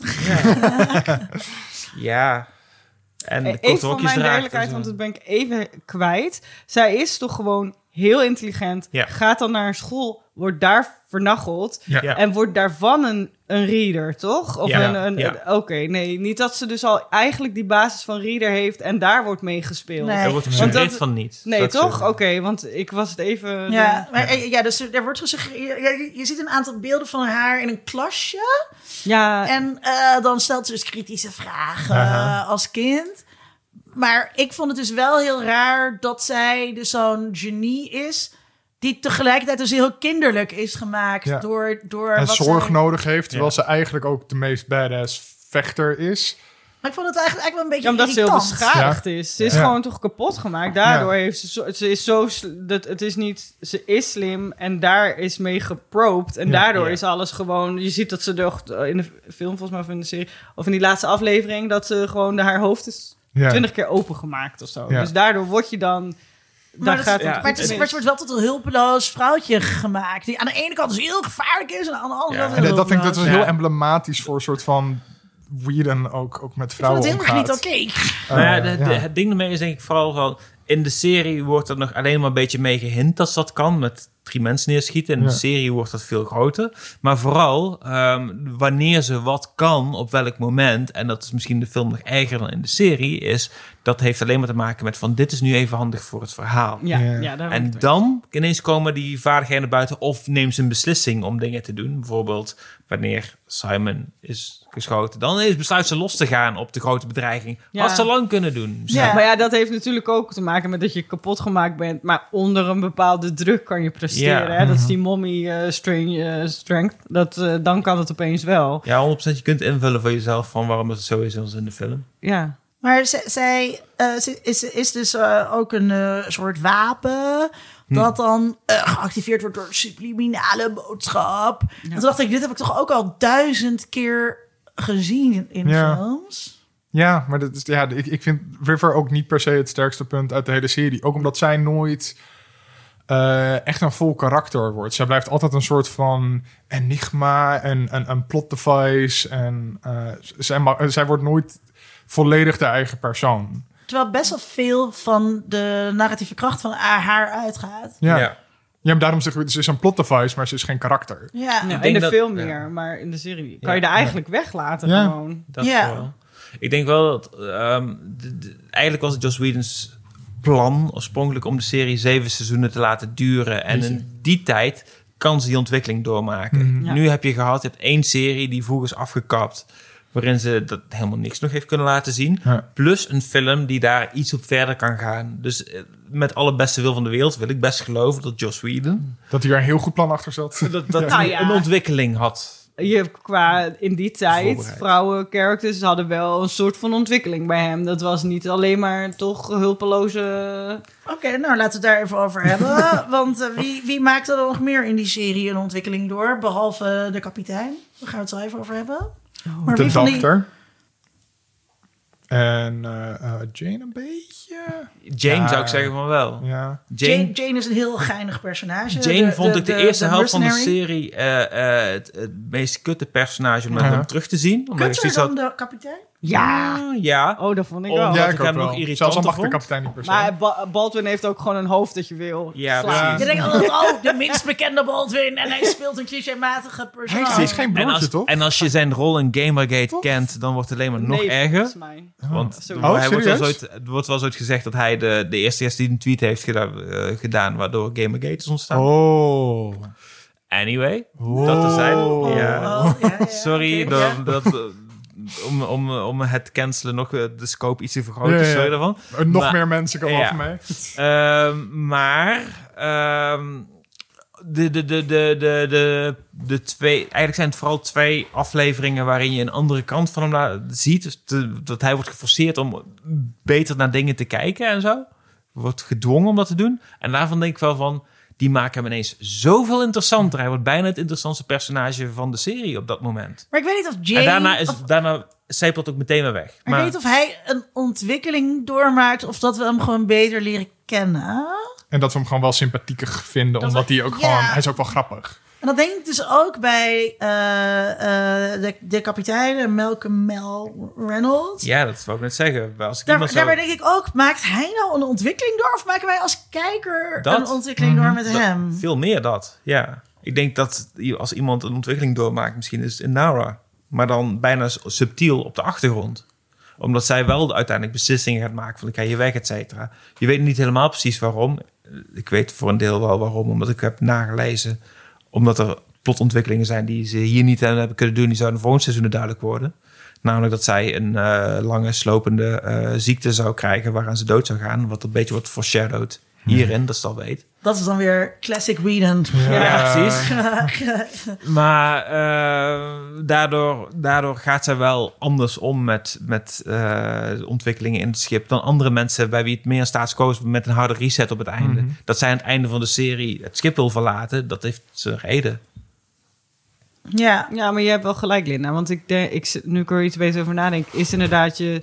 De character arcs zijn niet. Het wordt inderdaad niet heel veel ineens heel anders. Alleen je Nee. leert gewoon meer facetten van mensen kennen. zo- Van zo'n character. Niemand is goed of slecht over het algemeen. Dus je ziet gewoon in het begin alleen die, die, die, nou ja, die domme, eh, vervelende, vrouwenvriendelijke meneer die eh, guns, guns, guns en grenades. En dan, ja, dat bestaat niet. Die, nou ja, er zullen er vast een paar zijn, maar er zit altijd meer diepte in iemand. Dus het is, het is gewoon inderdaad dat je toch meer, ja, Maar dat vond, dat vond ik dus bij die Jane. Ehm, eh, je denkt dat er- hij is een cliché-personage en, en er gebeurt verder niet zoveel mee. En dan kom je andere dingen over hem te weten. Sorry. Eh, en eh, hij wordt aan het begin ook, denk je, oh, hij, wordt, hij is de verrader. Net als die ene gast in de Matrix. Hij heeft ook zo'n bakkus. Weet je wel? Dat je, Ja. je ziet als een Joey koppel- Pants, Joey Ja. Je ziet, je ziet als een koppel van dit, dit gaat niet goed. Terwijl ik vond het dus veel eerder bij die, bij die captain. eh, sowieso. Eh, ik ken hem natuurlijk vooral uit. ehm, eh, nee, uit de Dr. Dr. Horrible Oh, Sing. Along musical. Oh. Wat echt een aanrader, eh, Singeling blog. eh, een aanrader is als je dat nog nooit hebt gekeken met eh, Neil Patrick Stewart als Dr. Horrible. Harris. En daarin speelt, eh, speelt die captain de, een Neil soort, een soort Patrick Stewart. Dat is een mooie combinatie. Neil Patrick Stewart? Ja. Neil Patrick Harris. Eh, Patrick Stewart. Oh, ja.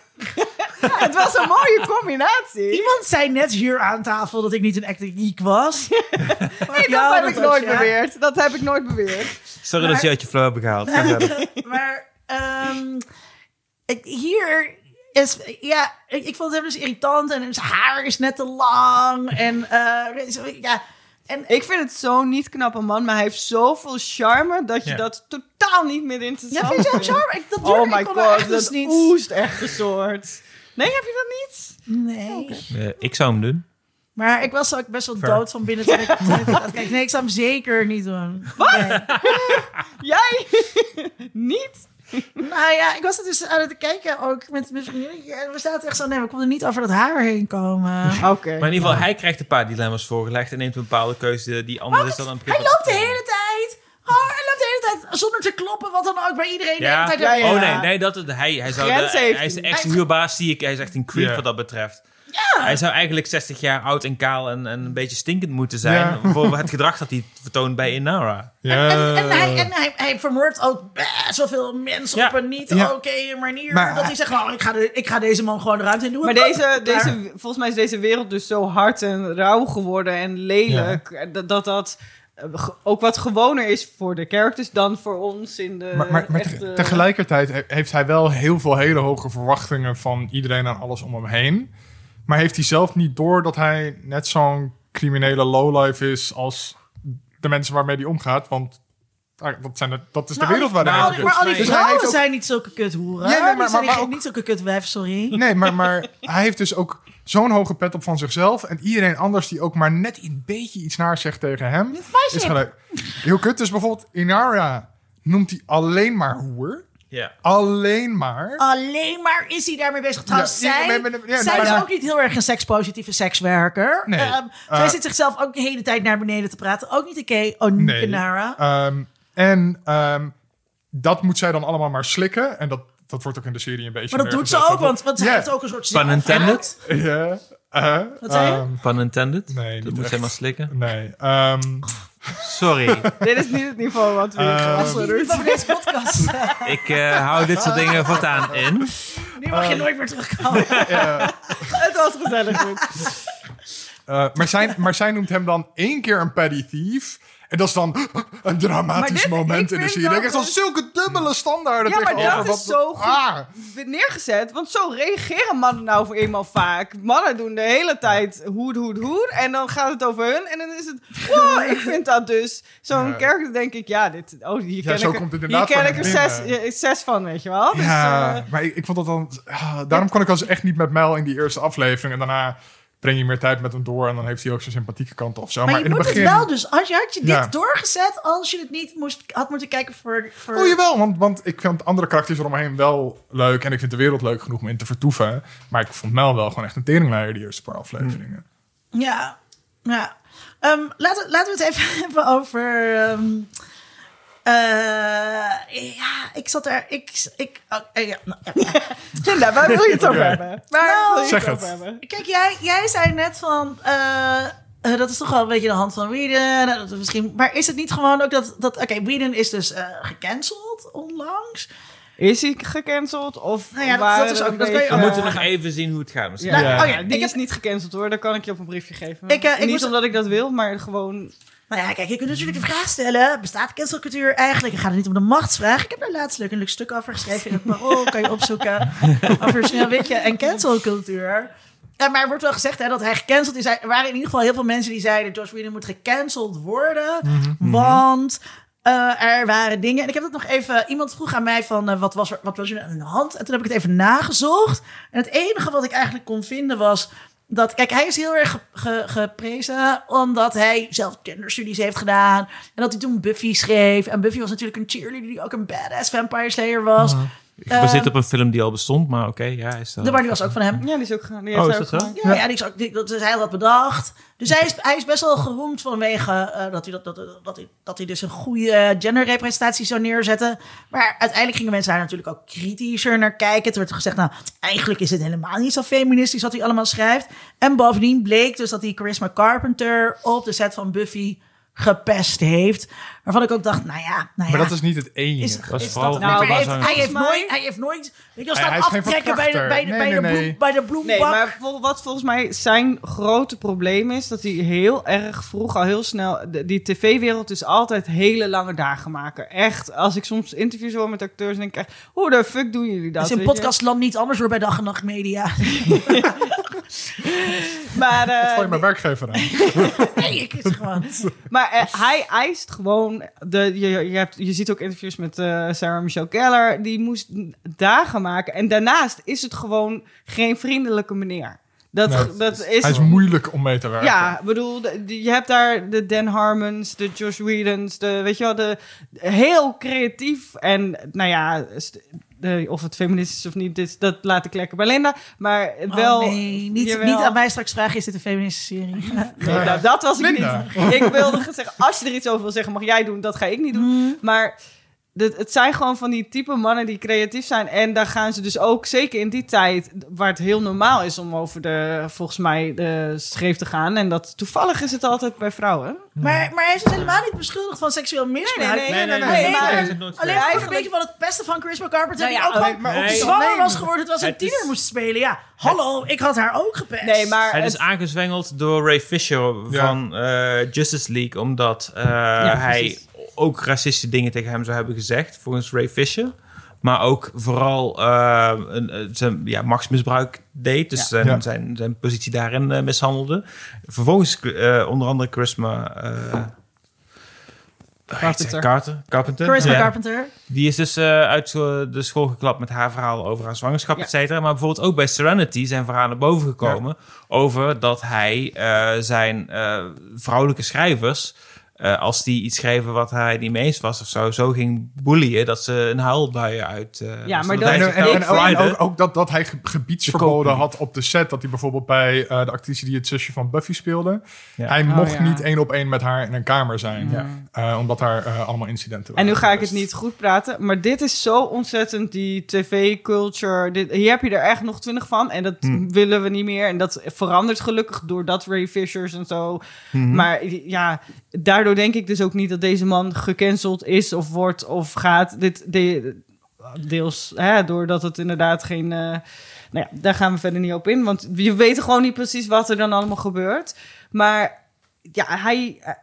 Het is gewoon niet erg genoeg of zo. Dat klinkt zo raar, maar het is, het klinkt niet heel erg. het is wel een, een vervelende cultuur dat, die veranderd moet worden. Maar er zijn inderdaad geen hele rare, rare dingen gebeurd. Tenminste, wat we weten. Geen Harvey Het- Weinstein. Nee, Nee, het is nee, geen- nee, nee, nee, absoluut. Het Het, is niet van die schaal. Dus da- deze meneer moet zich even rustig houden. Het is gedrag dat je kunt aanpassen Ja, en hopelijk krijgt hij een kans ervoor Ja. om zich te laten zien. Maar dat gok ik ook wel. Maar dat, eh, Maar als je, als je eh, ja, volgens mij hebben we het hier al eerder een keer in de podcast met jou over gehad, Natasja. Eh, eh, kan je de auteur los zien van eh, het werk? nou ja, wel. Mag je nog van Michael Jackson houden? Nee, ik vind dus En R. Kelly? de, ehm, als je, de, de- het werk daarvoor, voordat je weet van dit soort dingen, vind ik dat je daar best van kan genieten. Dat je, nou ja, in dit geval heb ik er, vind ik het allemaal niet zo heel erg. Dat ligt misschien aan mij en ook aan mijn liefde voor deze meneer en nou ja, wat hij doet. Maar ik denk altijd bij hem, ook Michael Jackson, ja, als ik me heel bewust zou zijn van, dan ga ik niet zijn nieuwe werk kopen of geld in stoppen of zo. Maar ik vind dat jij prima Dat dat er als staat, jij, ja. wat, wat, als jouw hele jeugd Michael Jackson was, dan gaan we je niet eh, Michael Jackson ontnemen. V- Daar heeft helemaal niemand wat aan. Dus ik, nou, ik kan dat wel redelijk los zien, ja. Ik, ik, ik ook. We weten iedereen die wel eens bij mij op bezoek komt en gebombardeerd wordt met Michael Jackson muziek. Maar wat vind jij? Want jij hebt het toen niet gekeken en je kijkt het met de kennis van nu. Ik vind het nog steeds een hele leuke en kijkbare serie. Ehm, maar eh, sommige dingen vind ik verouderd. En dat leid ik niet per se terug naar de auteur Whedon, maar eh, dat het uit een bepaalde tijd komt. Eh, ik vind bijvoorbeeld dus, bijvoorbeeld in haar als karakter, hoe het geschreven is en hoe in de serie met haar omgegaan wordt, vind ik storen. Daar erger ik me aan als ik dat Vanwege kijk. wat? Die hele troep van The Hooker with the Heart of Gold. en ze is een beetje... eh, eh, er is een aflevering die letterlijk Heart of Gold heet. Ja, Het is gewoon, ze is de trope. En ze benoemen het nog een keertje extra. Ehm, eh, en dat, dat vind ik een beetje gek. En ook dat Kaylee eigenlijk nooit soort van haar eigen rol krijgt binnen die serie. Die moet alleen maar een beetje achter de dokter aan. Nou, dit Ik is had- niet het ik enige had- wat ze doet. ik Maar ze, best ze wel- loopt veel achter de dokter Ja, aan. ik en haar heel cool juist. het ook heel cool. Ik vind het ook heel leuk. En alles, nee? Nee, ik, vond, ik had echt problemen met haar. Niet, dus niet, dat wist ik niet van de eerste keer toen ik, toen ik het keek. Of de tweede keer. Ik- Toen had ik helemaal niet. Maar toen ik het nu keek, zat ik echt alleen maar... Oké, Kaylee is dus... Het, het is dus zogenaamd van... ehm eh, gender swap of zo. Dus, dus zij is dan eh, de, de, de, de mechanic. Oh, maar ze wil een jurk dragen. Maar ze wil wel een jurk dragen. Oh, en ze is helemaal betoverd door de roesjes. En ze is zo lief. En ze is altijd Maar het Ja. rare is is dat ze... Dus echt gewoon, ik vond het echt een... Maar ze een- is ook een het- lellebel, want eh, ze komt die serie in omdat ze seks heeft met Ja. de mechanic daarvoor, zeg Ja. maar. Dus het is ook weer niet alleen Het maar... is niet een, eendimensionaal. Nee, vond lieve, daar- lieve jurkje, dimensionaal. een giechelmeisje. Het heeft, eh, ook zij heeft wel weer... Nou, ik vond haar dus zeker niet een sterke, krachtige vrouw. Absoluut niet.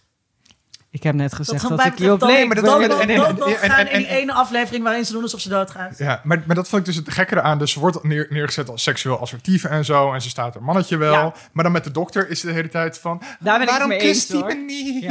Ja. Maar zo zijn wij vrouwen. Hallo, zo zijn wij vrouwen. Als wij een dokter knappe man zien, dan, dan Maar- maar- worden we een soort dus ze is een soort van tomboy en heel mechanic. En dan ik ga die aflevering dat ze dan die jurk en dat ze daar helemaal door betoverd is. dan was Nou, ik ben precies mee. zo. Ik vind dat zo heerlijk. Ik wil mijn handen vies maken en soms wil ik een hele mooie jurk aan. Dat kan gewoon. gewoon. Dat is niet een soort karakter. Dat bestaat gewoon. Ik durf nu bijna niet mijn kritiek te geven op Zoe, het enige vrouwelijke personage. Nou, daar ik vind, die vind ik te leeg eigenlijk. Ja, Ja, dat gaat dus let's go, Ik let's vond go, haar let's go, let's go. opmerkelijk- Ja, Ik vond haar opmerkelijk oninteressant. En in Serenity zie je voor het eerst dat ze daadwerkelijk een beetje oorlogstrauma heeft. Aan het begin van de film, en daardoor vond ik het interessanter worden. En tegen het einde van de film, mag ik de spoiler zeggen? Zeker, Ja, ja. we doen spoilers. Haar, haar man Wash overlijdt. En daarna is meteen een harde reset, want zij heeft een oorlog gevochten. Dus zij kan meteen de reset. Ik zou denken van, er had iets mogen zijn wat je erin ja- aan haar ziet. Behalve alleen één opmerking van eh, Mel die alleen maar vraagt van, eh, are you here? Dat is de enige Ja. aanwijzing dat ze misschien toch moeite mee heeft met Ja. de dood van eh, Wash.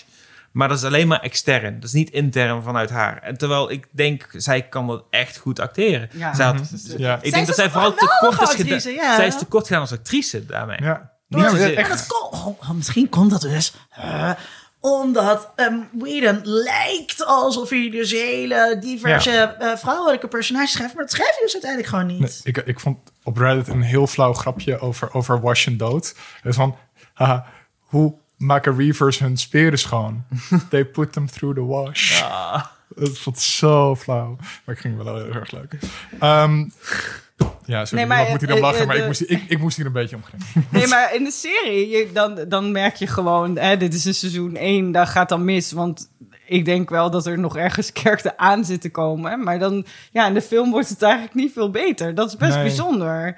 Dat, het, dat het inderdaad zo, ze is echt de vrouw van ook een beetje. Er was een heel drama met Fox, dat ze dus een getrouwd stel in die serie kreeg. Dat wilde Fox Ja, eigenlijk ja, helemaal niet Want? hebben. Zo Dat vond ik juist Ja, dat kon, dat dan wel weer niet. Gewoon een getrouwd stel op een ding, dat is saai of zo?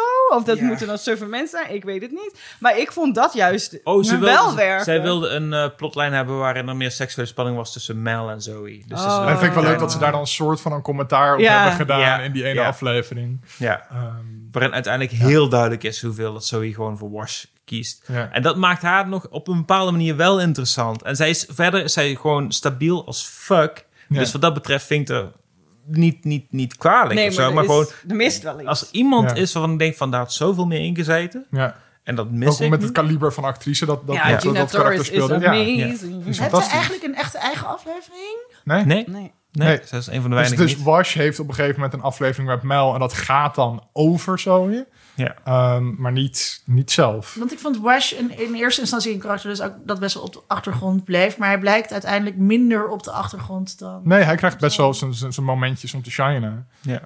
Maar is ja, het maar dus, hij is vooral een komische acteur die Ja. veel, veel gewoon ruimte krijgt om eh, te Om koeken. komisch te doen. maar ja. is het- oké, Nee, dus dat is Ellen natuurlijk ook gewoon Ja. fantastisch voor. Dus ja. toen, toen dit uitkwam, wat ik me ervan toen nog herinner, was dat het echt wel geroemd werd vanwege een diverse cast. En het, het werd echt wel gezien als een soort van voorloper Ja. op het Maar gebied wat was van... de diversiteit dan?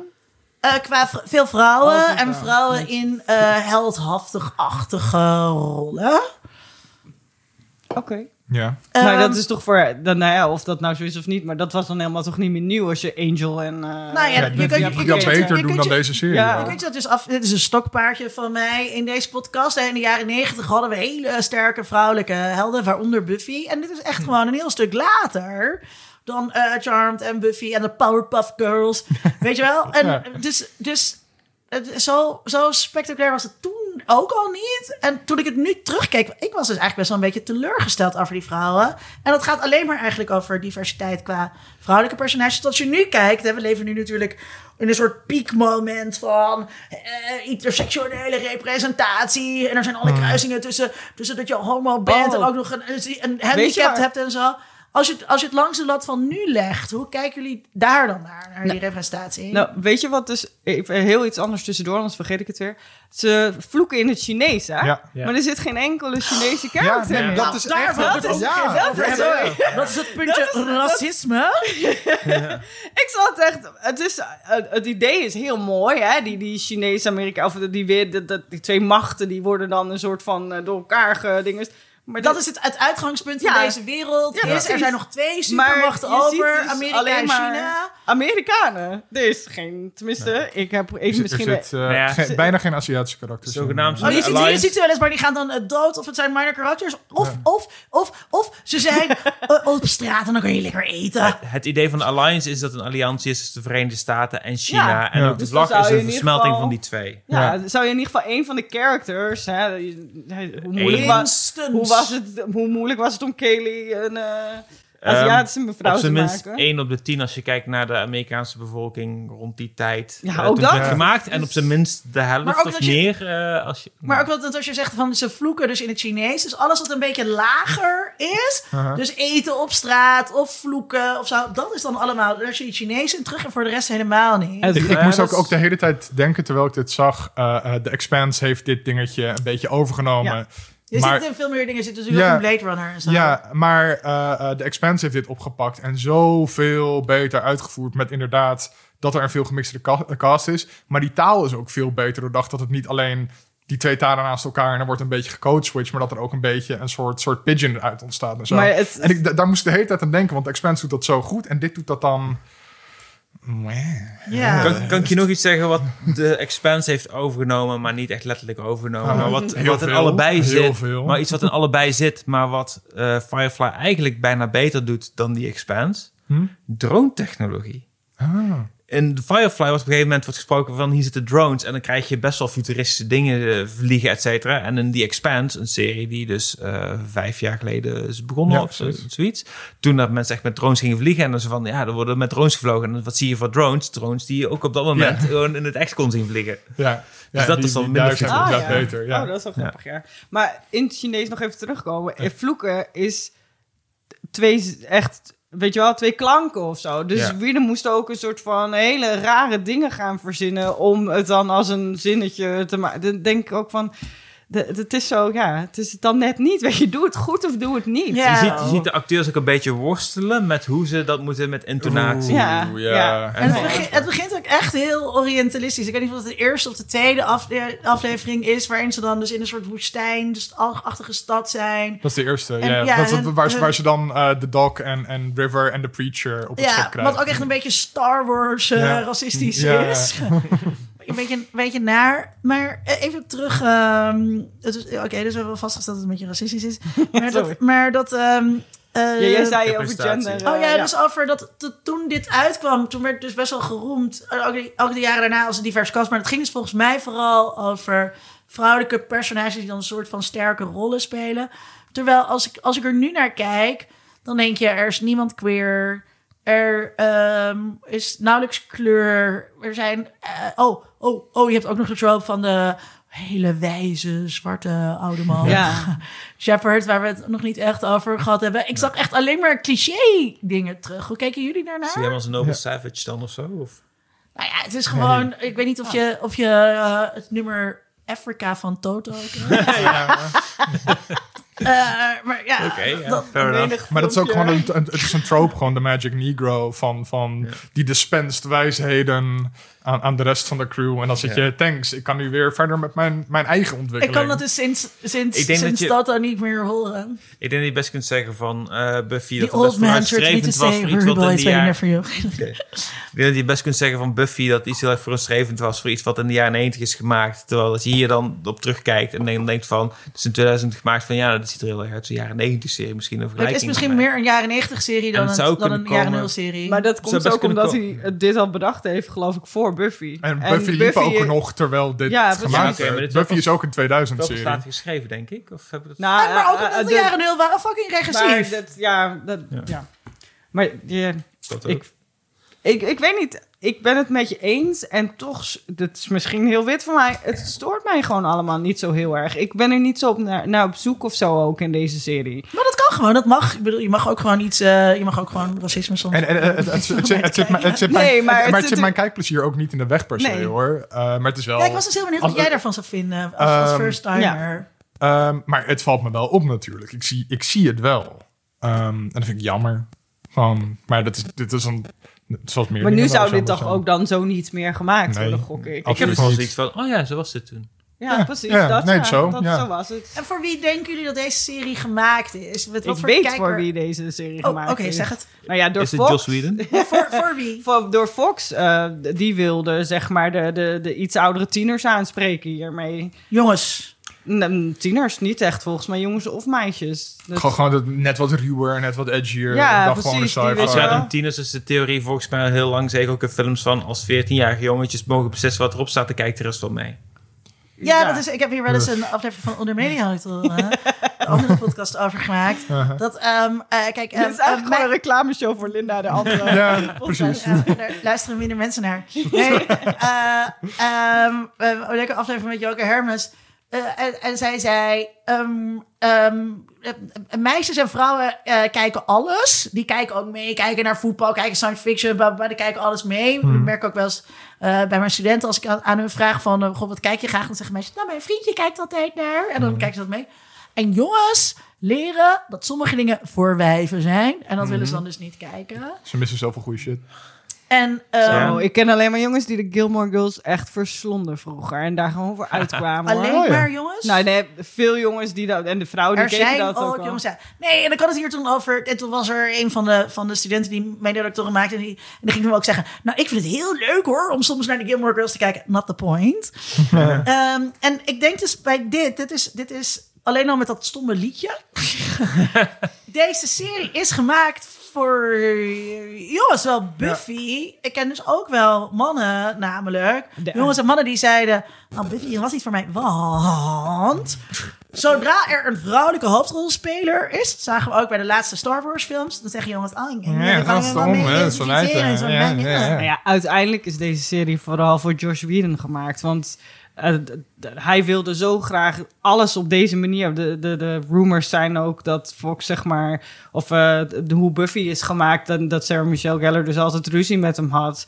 En omdat hij dus niet de volledige creatieve, eh, hoe noem je dat, de baas overal was. En hij wilde gewoon alles op zijn manier. Hij had ook bepaalde contracten, wat las ik nou vanmiddag, dat het ze, nou ja, ze moesten echt alles zo op zijn manier doen. Er was gewoon nergens meer discussie mogelijk of zo. Het was gewoon alleen maar George Whedon. Dus de Fox wilde graag dit, nou ja, de jonge tieners dan, of de, de mannelijke tien- En George Whedon wilde gewoon, het maakte hem niet uit als Ik hij maar op zijn maken. manier iets kon maken. Ja. Ja. Want daar had hij dus met Angel en eh, Buffy echt wel gekloot mee gehad. Ja. Ja, maar je- ja, het is zo bizar dat je met zo'n project waarbij zoveel verschillende soorten mensen eraan meewerken als een film of een serie. eh, dat, dat zijn, zijn hele dorpen die je daarvoor nodig hebt om zoiets op, eh, op touw te zetten. Dat je dan als regisseur of als schrijver of showrunner dan gaat zitten. Nee, het is van mij. Ik wil mijn Ik auteurs wil wat het laten doen. Nou ja, Ja. dat, dit, dit, dit geeft wel aan hoe ontzettend gezellig deze meneer is, volgens mij. Ja, het is geen leuke meneer, als een nee. soort van auteur in de seriewereld. Voordat dat, dat film, series al zoveel op film gingen lijken. En showrunners al zo belangrijk waren. Ja, Ja. maar, ja, dat maar misschien dat is een mede dankzij zijn gedrag daar dat wel mogelijk worden voor andere series. Dat Misschien Ja. was Josh Whedon, eh, ook dankzij Buffy, wel een van de eerste serie-auteurs. Ja. Ja. En, Hey, hey, Tom, ehm, toen we, toen we het eh, eh, van tevoren hierover hadden en ik zei, heb je nog input voor het draaiboek? Toen zei je nou, nee, nee, nee. en misschien kunnen we het gewoon eh, de rest van de tijd hebben over hoe fantastisch deze serie is. Ja, laten we dat doen. nee, maar dat, dat hebben we voor een deel natuurlijk ook wel gedaan van... Het plezier van deze serie zijn die karakters... waar allemaal dingen op aan te merken zijn. Net alsof, alsof op je vrienden allemaal dingen aan te merken zijn. En dat je Wij zijn ook, allemaal perfect. eh, en, en dat je dan ook achter hun rug een beetje kan rollen... en een beetje kan mokken misschien. Maar toch is het heel erg fijn om dan toch weer... een beetje onder dat gezelschap te verkeren. En, en allemaal die mensen die allemaal een beetje flat zijn...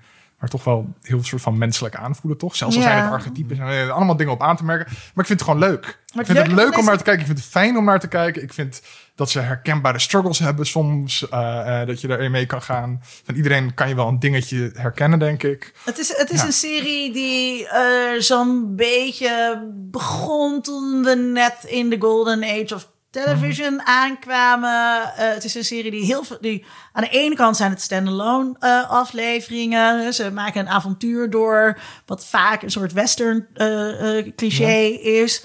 Gaan we, weer op, we zijn weer op een planeet en daar gebeurt dan wat. En aan het einde van de aflevering gaan we van de planeet af of zo.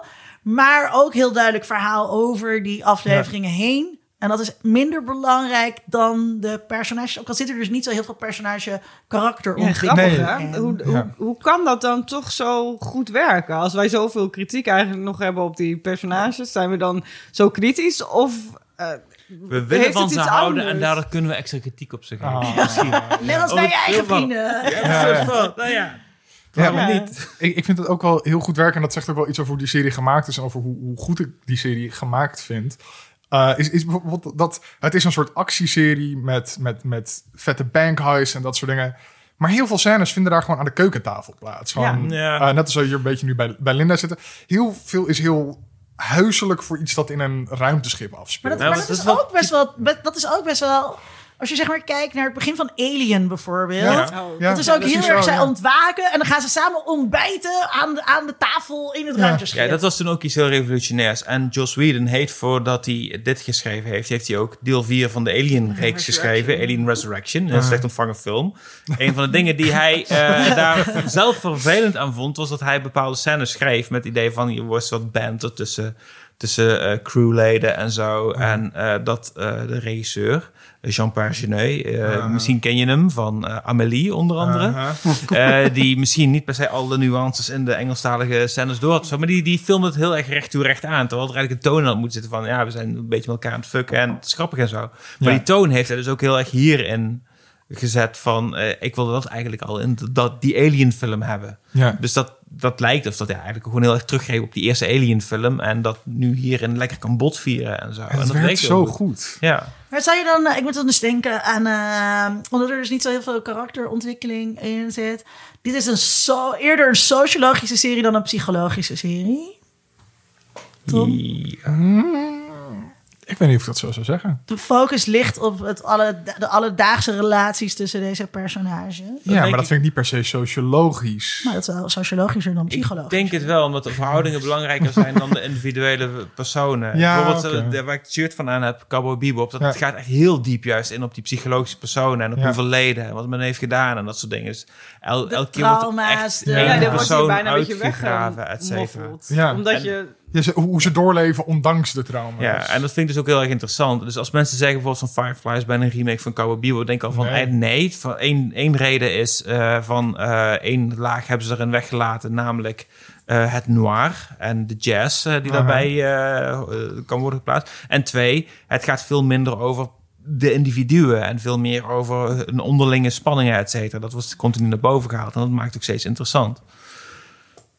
En dat heeft ook zeker te maken met wat voor figuren dat ze zijn. Ehm, e- eerder ging het over wat voegt de film daaraan toe of niet. Als ik een kritiekpunt heb misschien op de film... is dat de serie juist ze interessant maakt omdat er randfiguren zijn. En uiteindelijk in de film, sorry spoilers... maar worden zij bijna de belangrijkste Ja, personen ja, ja, ja. in dat zonnestelsel. Ja. En dat is... Ik wil niet zeggen dat het per se 100% debet eraan doet... maar het is wel bijna zo van... oh, dat is wel een beetje jammer voor de begingedachte. Maar ook, maar ook zeg maar, eh, het is dan moeilijk om door die, door die, door die barrière zeg maar, van die reavers heen te komen. Dan lukt het toch. Ja. En je, want je weet dat al bij een film. Of zo. Ja, vind zo dat lekker een eigenlijk- Shaun of the Deadje daar. Ja, ik vind het dus eigenlijk altijd wel een beetje jammer. Maar, en dat is dus ook een van de redenen waarom ik meer van series hou dan van films. Ik, ik vind daar ook wel met... Laat, met, met, laat mij maar lekker met die crew een beetje door dat universum heen banjeren. Ja. Zo ik heb net geleerd dat we daar dus bijna geen tijd meer voor krijgen. Want we moeten direct eh, Ja. Ja, in de aflevering bijna- 1 gepakt worden. Ja, maar dat, is, maar dat is dus heel jammer. En het goede, Ja, denk ja, ik, ja. van Firefly is dat ehm, ja, er, er dus allerlei mensen waren die daar doorheen keken. En die, en die dus die serie tot een cultstatus hebben verheven. In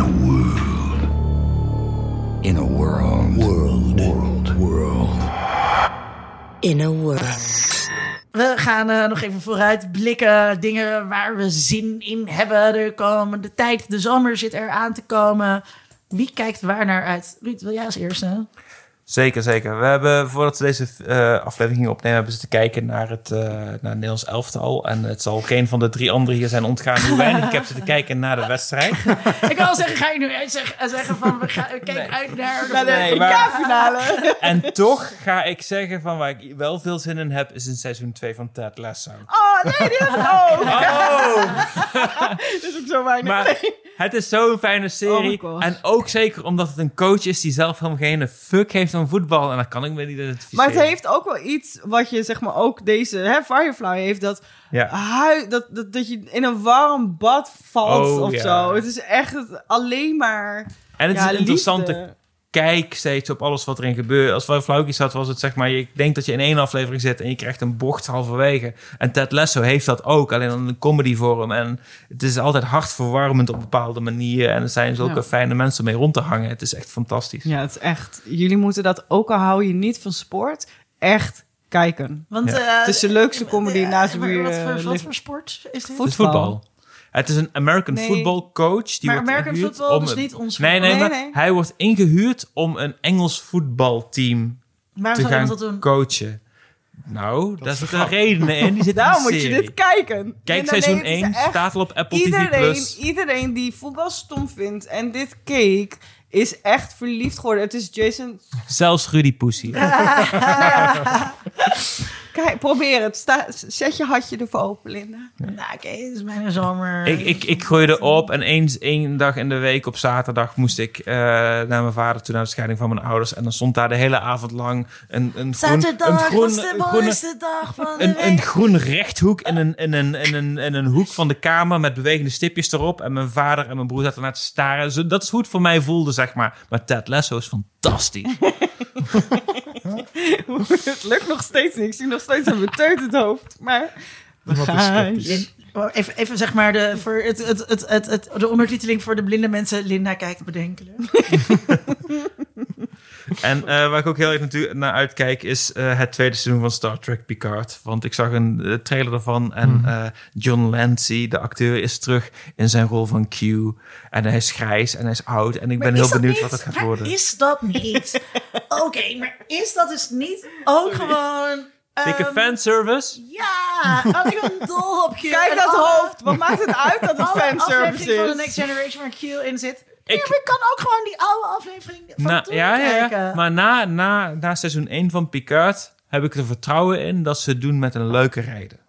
Wist je trouwens dat de hele QAnon-beweging misschien wel... dat Q misschien wel vernoemd is naar Q uit Star Trek?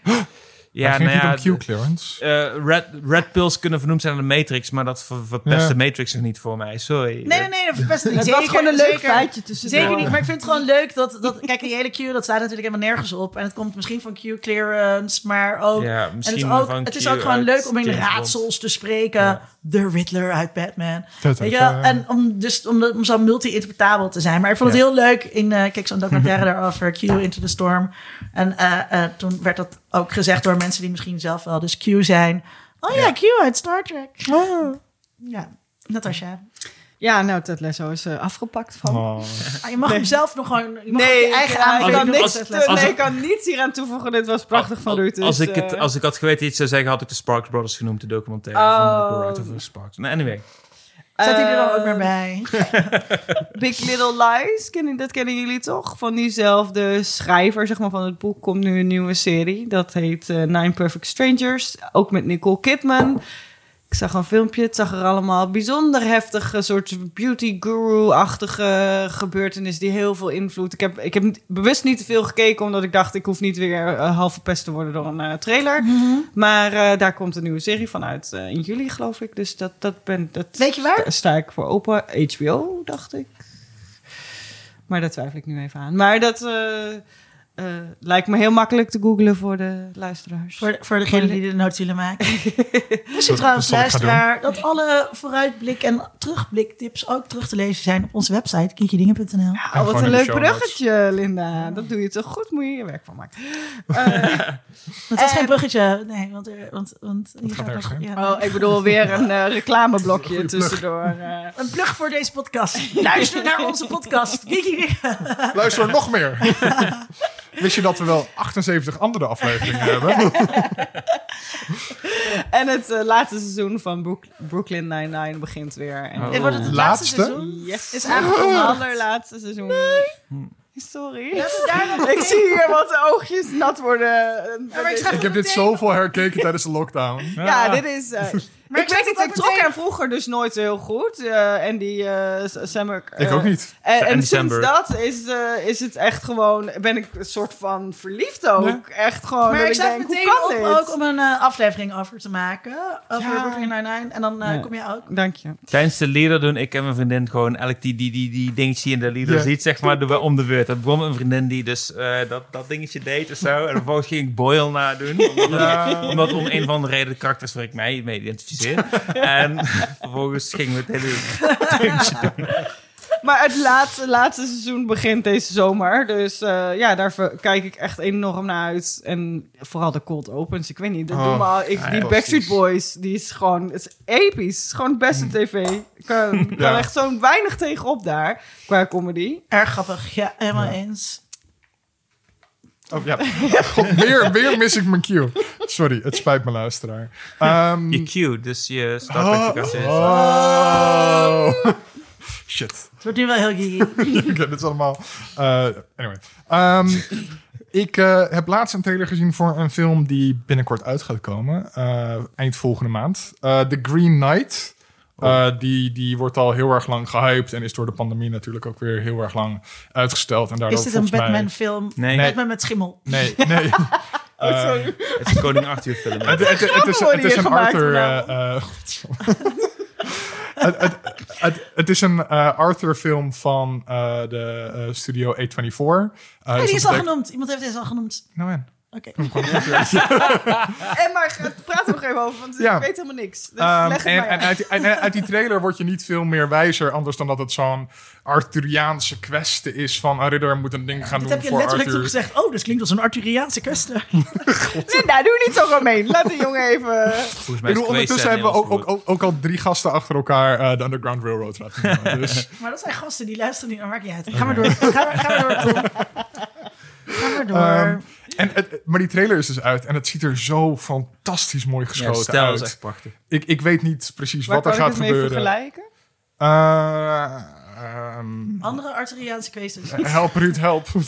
Ik kan je wel zeggen, deze regisseur heeft eerder twee andere films gemaakt. En die zijn allebei qua stijl best wel anders, maar ook allebei opmerkelijk. Eh, de ene is, is eh? Ghost Story. Eh, of A Ghost Story. Dus met eh, Casey Affleck die de hele film lang onder een wit laken zit. Oh, lord. Van Ja. David. Lowery. Ja.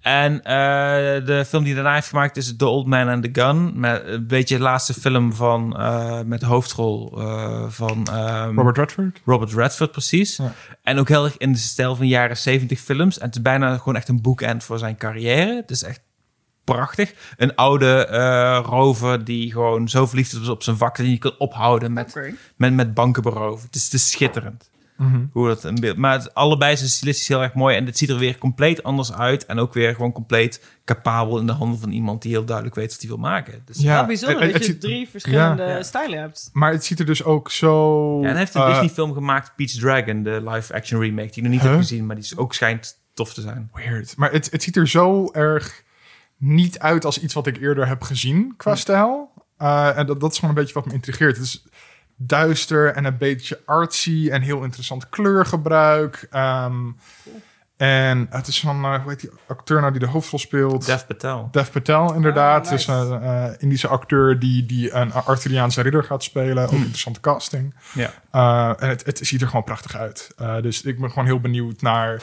heb nu alleen maar losse mooie shots gezien... en ik ben benieuwd wat voor verhaal die losse mooie shots gaat Precies, verbinden. het is een trailer die echt gewoon goed mysterieus blijft. Ja. En dat maakt alleen maar Lekker, interessant. ja, ja, dat het maakt heel erg lekker inderdaad. Moeten we dit eh, bespreken in een aflevering, denken jullie? Ik laat het je weten in de zomer nadat ik hem gezien heb.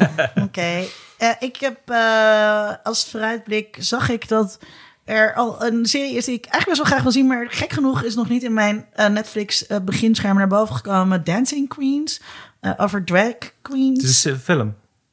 serie, volgens mij. Ik heb een film gezien die zo heet. Die is Hmm. al uit. Ik Ja, denk- 3 juni stond er. Ja, die, dat is een film. is het film. Oké, nou sorry, ik let ook helemaal niet op. ik, ik zat ook maar wat te kijken voor de vooruitblik. Ehm, maar ja, is wel, maar misschien is het dan ook wel logisch dat het niet in mijn Netflix staat. Want mijn Netflix denkt dat ik alleen maar series kijk en hele slechte eh, romcoms. Ehm, dus daar heb ik zin in. En verder heb ik zin in The Conjuring 3. The Devil Made Me Do It. In de bioscoop. Hopelijk met Tom en Sonny.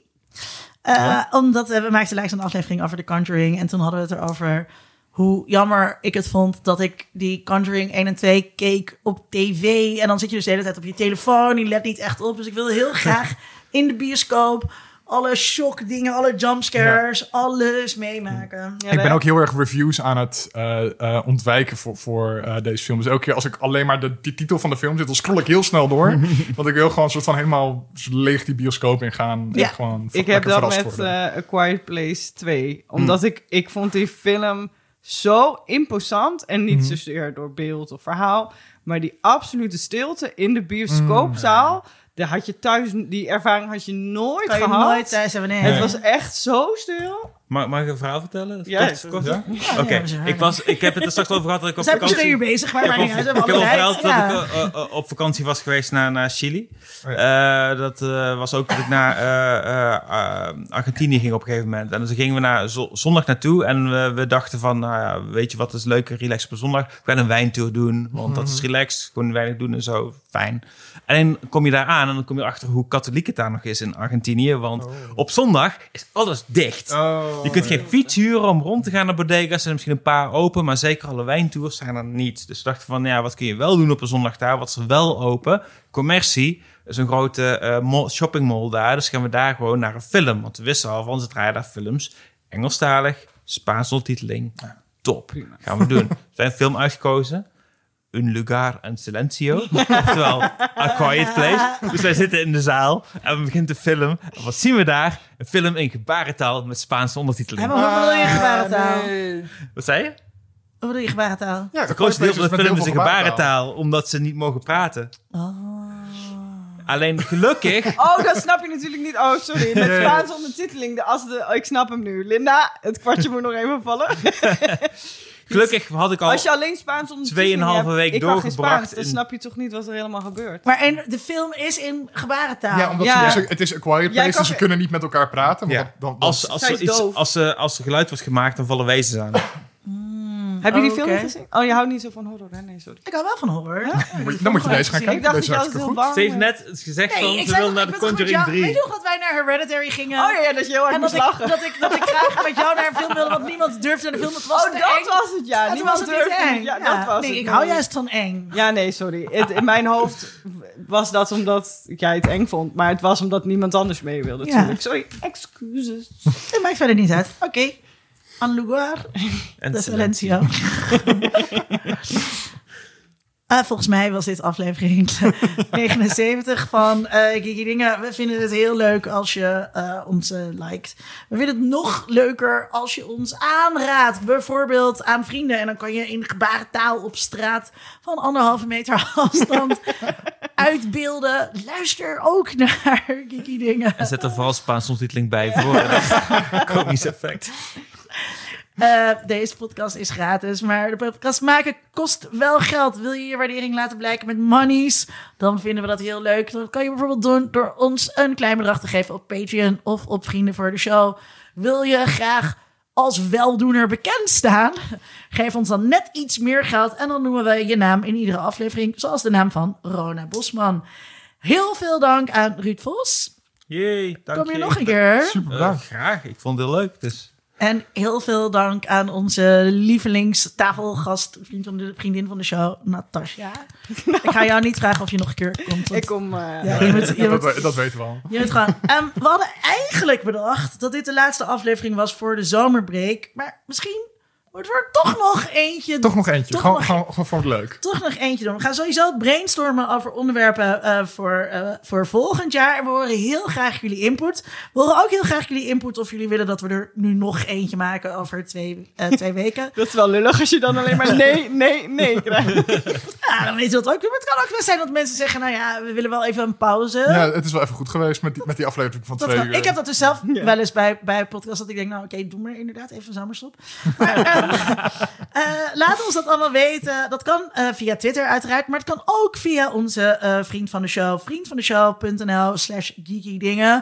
En daar kan je ook meepraten als je geen eh, vriend, een vriend is dan een Ja, betalende gewoon, voor, vriend gewoon voor de gezellig. Ja, wij vinden ook, we vinden het leuk als je ons geld geeft, maar dat hoeft helemaal niet. Dus je kunt ook op vriendvandeshow.nl terecht zonder dat je vriend bent. Zorg in ieder geval dat je op ons geabonneerd bent, zodat, je, eh, zodat wij automatisch, eh, automatisch in je podcastfeed verschijnen. Of we nou over twee weken nog een aflevering maken of pas eind augustus weer. Moet ik nog iets anders zeggen? Ja, dat was hem eigenlijk wel. Oké, dit was Geeky Dingen.